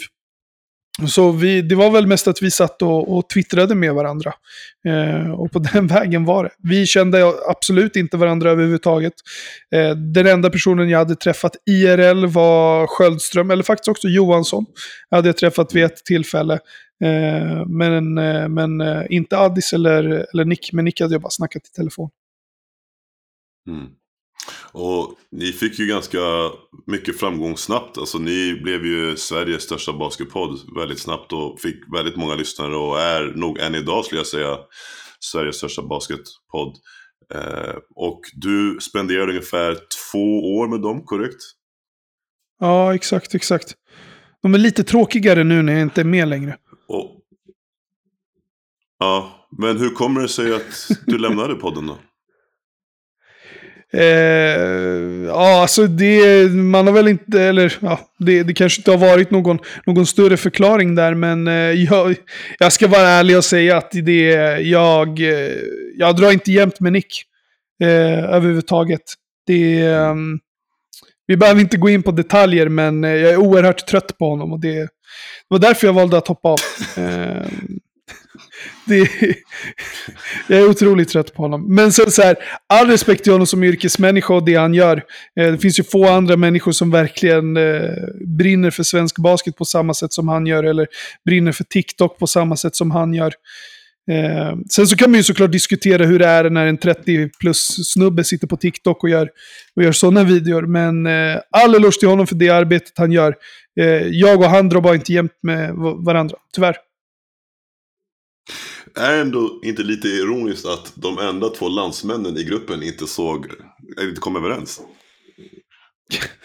Ja, det kanske finns en viss sanning i det. Eh, kanske ja, finns en viss sanning med det. Två landsmän och liksom, ni, ni kommer inte överens. Ja. Det måste ju vara lite komiskt ändå. Ja, alltså kanske, men eh, fan alltså.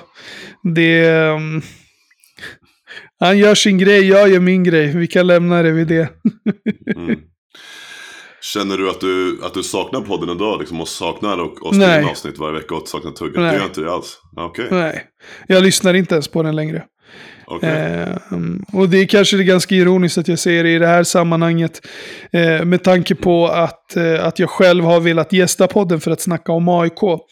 Men eh, alltså jag, jag lyssnar inte på den längre. Jag är inte med i den. Jag pratar inte om den. Eh, det har inte varit svårt för mig att bara släppa det om jag ska vara helt ärlig. För någonstans så rann bägaren över och eh, all respekt till alla. Eh, det finns liksom inget, som Melvin sa, det finns, det finns inget, inget ont där. Men eh, mm. vi lämnar det vid det, det är bra tack. Mm. Jag fattar honom om vi säger så. ja, det är, det är så. Det det är många som faktiskt har lite svårt för, för just Nick. Vi hörde ju bland annat Melvin och jag vet att Nick har ju tagit upp det själv i, i bänken. att eh, det Jaha, Han har inte gjort det en gång, han har gjort det 20 gånger. Och det är nästan så att han har skrivit det i pannan varje gång man nämner Melvin Pansar. Förvånar mig att han inte har sagt det i den det är intressant, han tog upp även, eh, jag måste bara säga det här för, för eh, kontext. Eh, han nämnde även någon gång i, i ett avsnitt på bänken att eh, han hade sprungit på Craig Lesen eh, på, på tåget eller ja, någonstans det var, kanske kan ha varit Nässjö. Liseberg var det. Ja, Liseberg, ja så kanske det var. Jag vet inte fan. Ja, Liseberg var det. Och, och, det intressanta med det var att, att eh, jag och Craig delade faktiskt rum nu när vi var på landslagsläger här med, i, i, ja. senast, i senaste fönstret. Och jag frågade faktiskt honom om det, eh, om den situationen, om han kommer ihåg det. Jag tror att han sa till mig att han kommer inte ens ihåg men han har dock hört alltså, att han har snackat om det, men han kommer inte ens ihåg att han såg honom eller ens, alltså att det var en grej typ. Alltså han, han gjorde inte det till en så stor grej. För honom var det bara så ja men jag kanske såg honom, men jag kanske gick rakt förbi honom och inte tänkte på det. Alltså det var liksom ingen så här grej, typ som att han ignorerade honom och var såhär, nej men typ fuck honom. Alltså förstår du, det var liksom ingen, ingen ställning. Men, ja. det är väl kanske det som är lite grejen med, med, med eh, vår käre Nick, att han, att han tror saker alldeles för mycket. Mm. Eh, sen är ju han ganska lätt att missa också med sina 1,70, vad han nu än är. Så uh, jag menar, jag och Craig, vi, vi är lika långa, vår blick är lite högre upp. men men det, med allt det sagt så är det, är det shoutout till bänkvärmen och shoutout till, vi måste också ge cred till deras nya medlem eh, Lollo, Lojsan som de kallar henne. Som, Just det, Lojsan. Som, som, är, som är med och ger podden eh, lite lite mer diversity så att säga. Så uh, ja. definitivt kul att ha med en, en kvinna i, i den gruppen. Nej, men stort lycka till till dem allihopa verkligen. Och Precis, jag menar, eh, även, om, även om jag och Nick kanske inte drar jämt med varandra privat mm. så, så har han fortfarande gjort ett fantastiskt arbete på mm. SVT. Det är inte en tillfällighet att han är där, det är inte en tillfällighet att, eh, att han får chans efter chans. Mm. Eh, så uppenbarligen så gör han ju någonting som är tillräckligt bra, det ska han ha all cred för. Mm, mm. Jag håller med, definitivt. Shoutout till, till Nick, shoutout till bänken. De gör ett jättebra jobb. De är faktiskt, måste vi ärliga, de är ändå en av få, framförallt Nick, om inte den enda som faktiskt täcker basketen. Och hans intresse har gjort så att mm. faktiskt basketen har vuxit. Så han, han gör ju väldigt mycket för svensk basket med den plattformen han, mm. han har. Liksom, och, och det han sitter och diskuterar. Även fast det ibland kan gå överstyr och att han har eh, åsikter som ibland kan tyckas vara mer för clickbait och, och lite annat. Men han, han är en av om inte den största rösten vi har inom svensk basket faktiskt. Vet, vet du vem jag tänker på när jag tänker på Nik Rajacic? Vem tänker du på? Jag tänker på, uh, fan heter han? Uh, jag kallar honom för Skip Bayless, det, det har jag sagt till Ja, ah, tack. Skip Bayless tänkte jag på. Jag tänkte ja. säga Shannon Sharp, men det var inte Shannon Sharp jag tänkte på. Nej. Utan Skip Bayless, han är Sveriges svar på Skip mm, Bayless. Exakt, det har jag sagt eh, också. Jag alltid hot takes, aldrig något resonemang i, i någonting som, som han säger, och så bara skriker han. alltså. Din, din landsman, din landsbroder. I alla fall, nog om det. ja. jag, hoppas, jag hoppas att vi kan begrava stridsyxan någon gång ja, i framtiden. En dag. En dag. Nick, om du Eller hör inte. En, en, Nick, om du hör det så kanske Stefan bjuder hem dig på lite hemlagad chewapa också med alla tillbehör. Uh, men i alla fall, vi går vidare. Du nämnde det tidigare att du var en person i yngre dagar som var, kände sig väldigt stekig. Var, var en person som var rädd för att hugga till. Uh, så med det så har du fått ett rykte som, i alla fall tidigare, att du var väldigt mycket av en loudmouth. Liksom, att du jiddrade väldigt mycket. Liksom, du tjafsade och, och, du skulle synas och du skulle höras. Eh, och det har också gjort att du har hamnat i, jag ska inte säga konflikter, men i alla fall tjafs. Eh, du nämnde tidigare Goran, Ronny och även Stefan Bergman. Eh, finns det några andra individer som, som du har haft eh, ordkrig med eh, som kanske har spårat ur när du tänker efter det här i, i efterhand? Så? Alltså, och sen så, det, det, det är klart att det, du, du har ju din uppfattning av det och eh, hur, hur tugget har gått runt omkring mig. Jag kan ju liksom inte, inte eh, på något sätt eh, besvara den kritiken utan att få veta mer. Mm. Eh, om, om jag får säga något själv om, om mig själv i, under just den perioden så är väl kanske inte att jag det var, det var aldrig min avsikt att liksom höras och synas. Mm. Eh, utan det var väl snarare att snabbt kunna ge tillbaka eh, och slå tillbaka mot orättvisor. Mm. Eh, och då kunde det vara allt ifrån eh, ja, men, kopplat till derbyna, till, till styrelserummen, till andra officiella, mer officiella sammanhang. Eh, och de strukturella problem som också finns i Basket-Sverige. Mm. Eh, sen om jag, om jag var högljudd och, och uh, liksom självcentrerad och allt vad det är. Det, de som säger det, det får, det får liksom stå för dem. Jag mår bra mm. ändå. Mm. Eh, men eh, ytterligare beefs. Eh, shit, nu måste jag tänka tillbaka. Alltså, så här.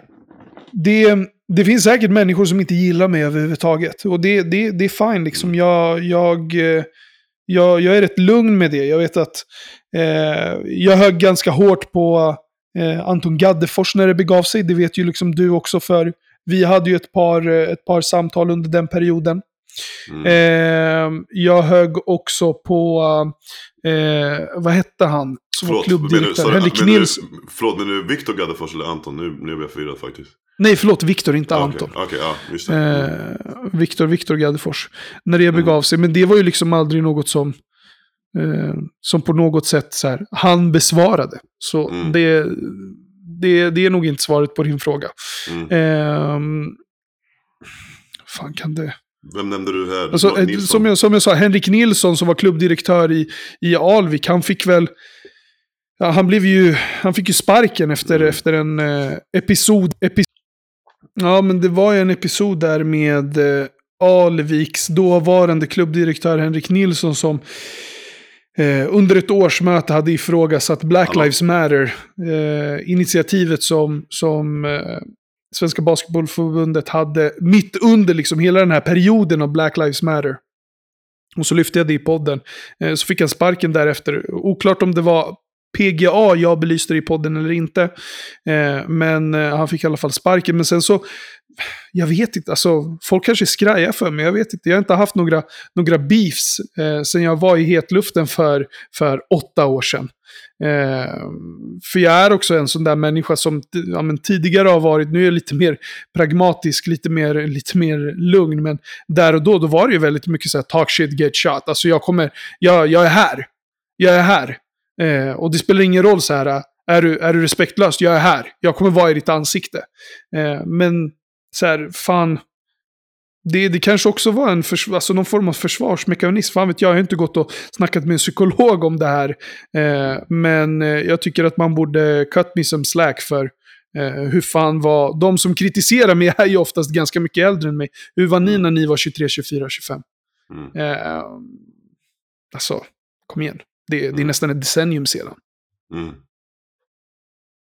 Så du nämnde det här med att, det, att du liksom gillar att utmana liksom, strukturella problem som kanske finns inom, inom svensk basket.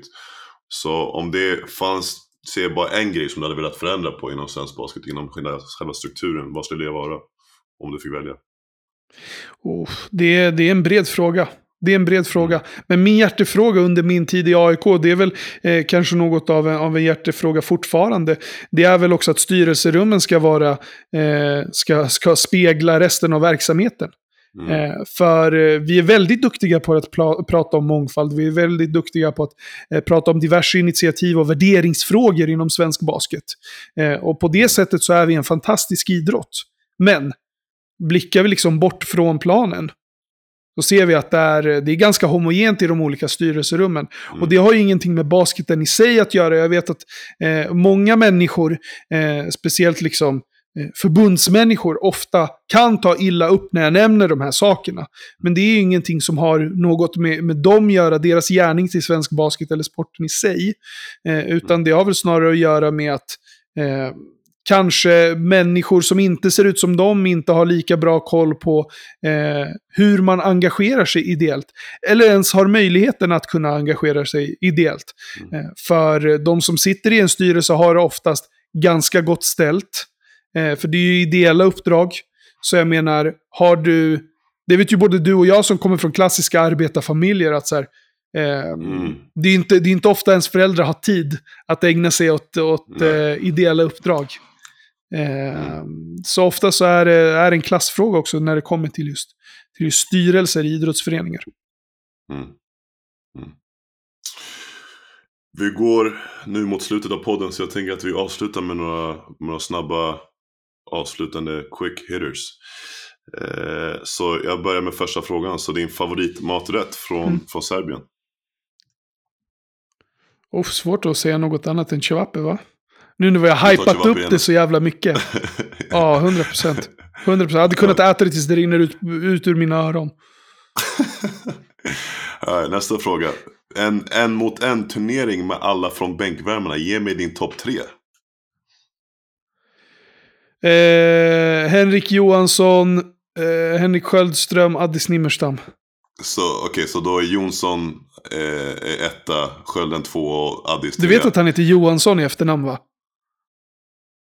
Ja, Johansson? Ja, jag tror det var Jonsson. Okej, okay, Johansson. Ja. ja. Nej, hans ät är Jonsson på det... Twitter, men han heter Henrik Johansson. Jaha, okej. Okay. Shit, det, var, det fick jag en... Ja, det är en sån mindfuck. Ja, jag inte. Men så, så du säger att Henrik Johansson, förlåt, är ett alltså? 100 procent. Ja. Men vadå, men vadå, du, den enda räknar... av oss som tränar regelbundet. Men du då, är inte du med i den? Alltså jag räknar dig nu också som bänken, förstår du? Det är därför jag frågar. Ja, uh, nej, nej, nej. Jag är bara där och ser till att Nick inte tar sig vidare. Så jag och, jag och Nick, vi hamnar på sjukhuset istället. Jag med bruten arm och han med brutet ben. Det oh, wow. Okay. Stack, stackars. Stackars båda två. Eh, nästa fråga. En artist du spelar mycket just nu? Det är 23. 23 alltså jag lyssnar jättemycket du, du, du på 23. Du lyssnar mycket på svensk hiphop, eller hur? Ja. Ja, jag lyssnar jättemycket på svensk ja. hiphop. Men det, det har ju också att göra med dels men, ett intresse för svensk hiphop. Eh, men sen också på grund av mm. alla de år jag haft i branschen. Där jag har jobbat med artister som exempelvis eh, Sherry Silvana Imam, Erik Lundin, Keja. Framförallt. Eh, så jag det. menar, eh, man har ju varit i mixen också när, när genren har blossat upp ordentligt. Eh, det finns ju jättemånga som lyssnar på det här som kanske också har sett Simon Supertis tal på Grammisgalan när han äntligen vinner eh, Årets producent. Mm. Eh, och vad det innebär för svensk hiphop. Eh, och när han hoppar du vet, så här, på golvet och mm. bara skriker och kollar på oss nu. Jag var ju där. Mm. Så, så det, det, finns många av sådana här, eller det finns ju liksom många sådana här ikoniska stunder som man har varit med om och som gör att man håller, håller genren lite närmare hjärtat. Så sista avslutande frågan då. Vem hade du velat se i Between the Lines? Får jag välja vem som helst? För nu är inte jag spelare, jag är baller. Men eh, får, jag välja, får jag välja vem som helst? Ja. ja, men du kan droppa för det här är ändå ett segment. Alltså, Adobounce är ändå till för att alltså, folk som kanske har lite rötter inom sporten men som kanske inte är aktiva idag också ska kunna vara med på den. Så du kan ta vem som ja. helst. Så länge den personen har rötter i sporten om jag säger så. Jag fattar, jag fattar. Alltså jag, jag, jag är jag vill ändå, jag vill ändå visa att, eh, att, jag, att jag har kärlek för den här personen. Jag vet att du, att du, att du vet vart det här är på väg någonstans. Men eh, jag, jag vill ändå dra mitt strå till stacken och säga Niki Sarajacic. Hämta hem honom. Okej. Okay, Hämta kanske, hem honom. Kanske... Så kan, ska han be om ursäkt. Det kanske, ja, det avsnittet kanske kommer ut direkt efter ditt avsnitt i sådana fall. Så det blir så här äh, ja, svar på tal. Det här är som Biggie och Pac. Öst, East Coast, Fast Coast. istället för att vi tar koll på varandra så, så, så uh, stoppar vi ner pistolen i byxlinningen istället. Uh, exakt, och sjunger Kumbaya och, och drar en kram över Noah Chivapi. Exakt, exakt. Kanske på, kanske på holken ikväll i sommar, vem vet? Jag har sålt min andel, tyvärr. Så jag, jag har ingenting med holken att göra nu. Nu är, det, nu är det sitta hemma med frugan, laga mat, spela golf, fiska. Leva det goda livet. Sånt som, sånt som pensionärer gör. Stefan, du får ha det riktigt bra. Jag tackar så mycket för att du var, fick, för att du var med, fick med, för att du var med i podden. Eh, jag hoppas att du har haft det lika trevligt som, som jag har haft det och att eh, du har fått kunna lätta på hjärtat lite grann, om man säger så. 100 procent och tack så jättemycket för att jag fick vara med. Jag gillar ju poddar, jag gillar att snacka som kanske dina lyssnare märker just nu. Men framförallt så tycker jag att det är kul att prata med dig. För det, det är inte ofta jag och du får tillfället att bara prata om saker och ting. Eh, utan det är alltid i något sammanhang. Antingen så, så är det att vi stöter på varandra under en landskamp eller annan basketmatch eller i något annat sammanhang. Så uh, jag vet inte om jag och du någonsin har satt oss ner så här och pratat med varandra i, i, i mer än tio minuter. Ja. Oerhört upp uppfriskande, oerhört fint och du har en fantastisk podd Elias. Det ska du ha med dig. Tack så mycket Stefan, jag uppskattar det väldigt mycket. Som vanligt så vet ni vad det är. Det är Between Lines, det är podden som är avspelare, förspelare, producent Anders Alvin. Vi hörs. Amana Gävdet. Kärlek.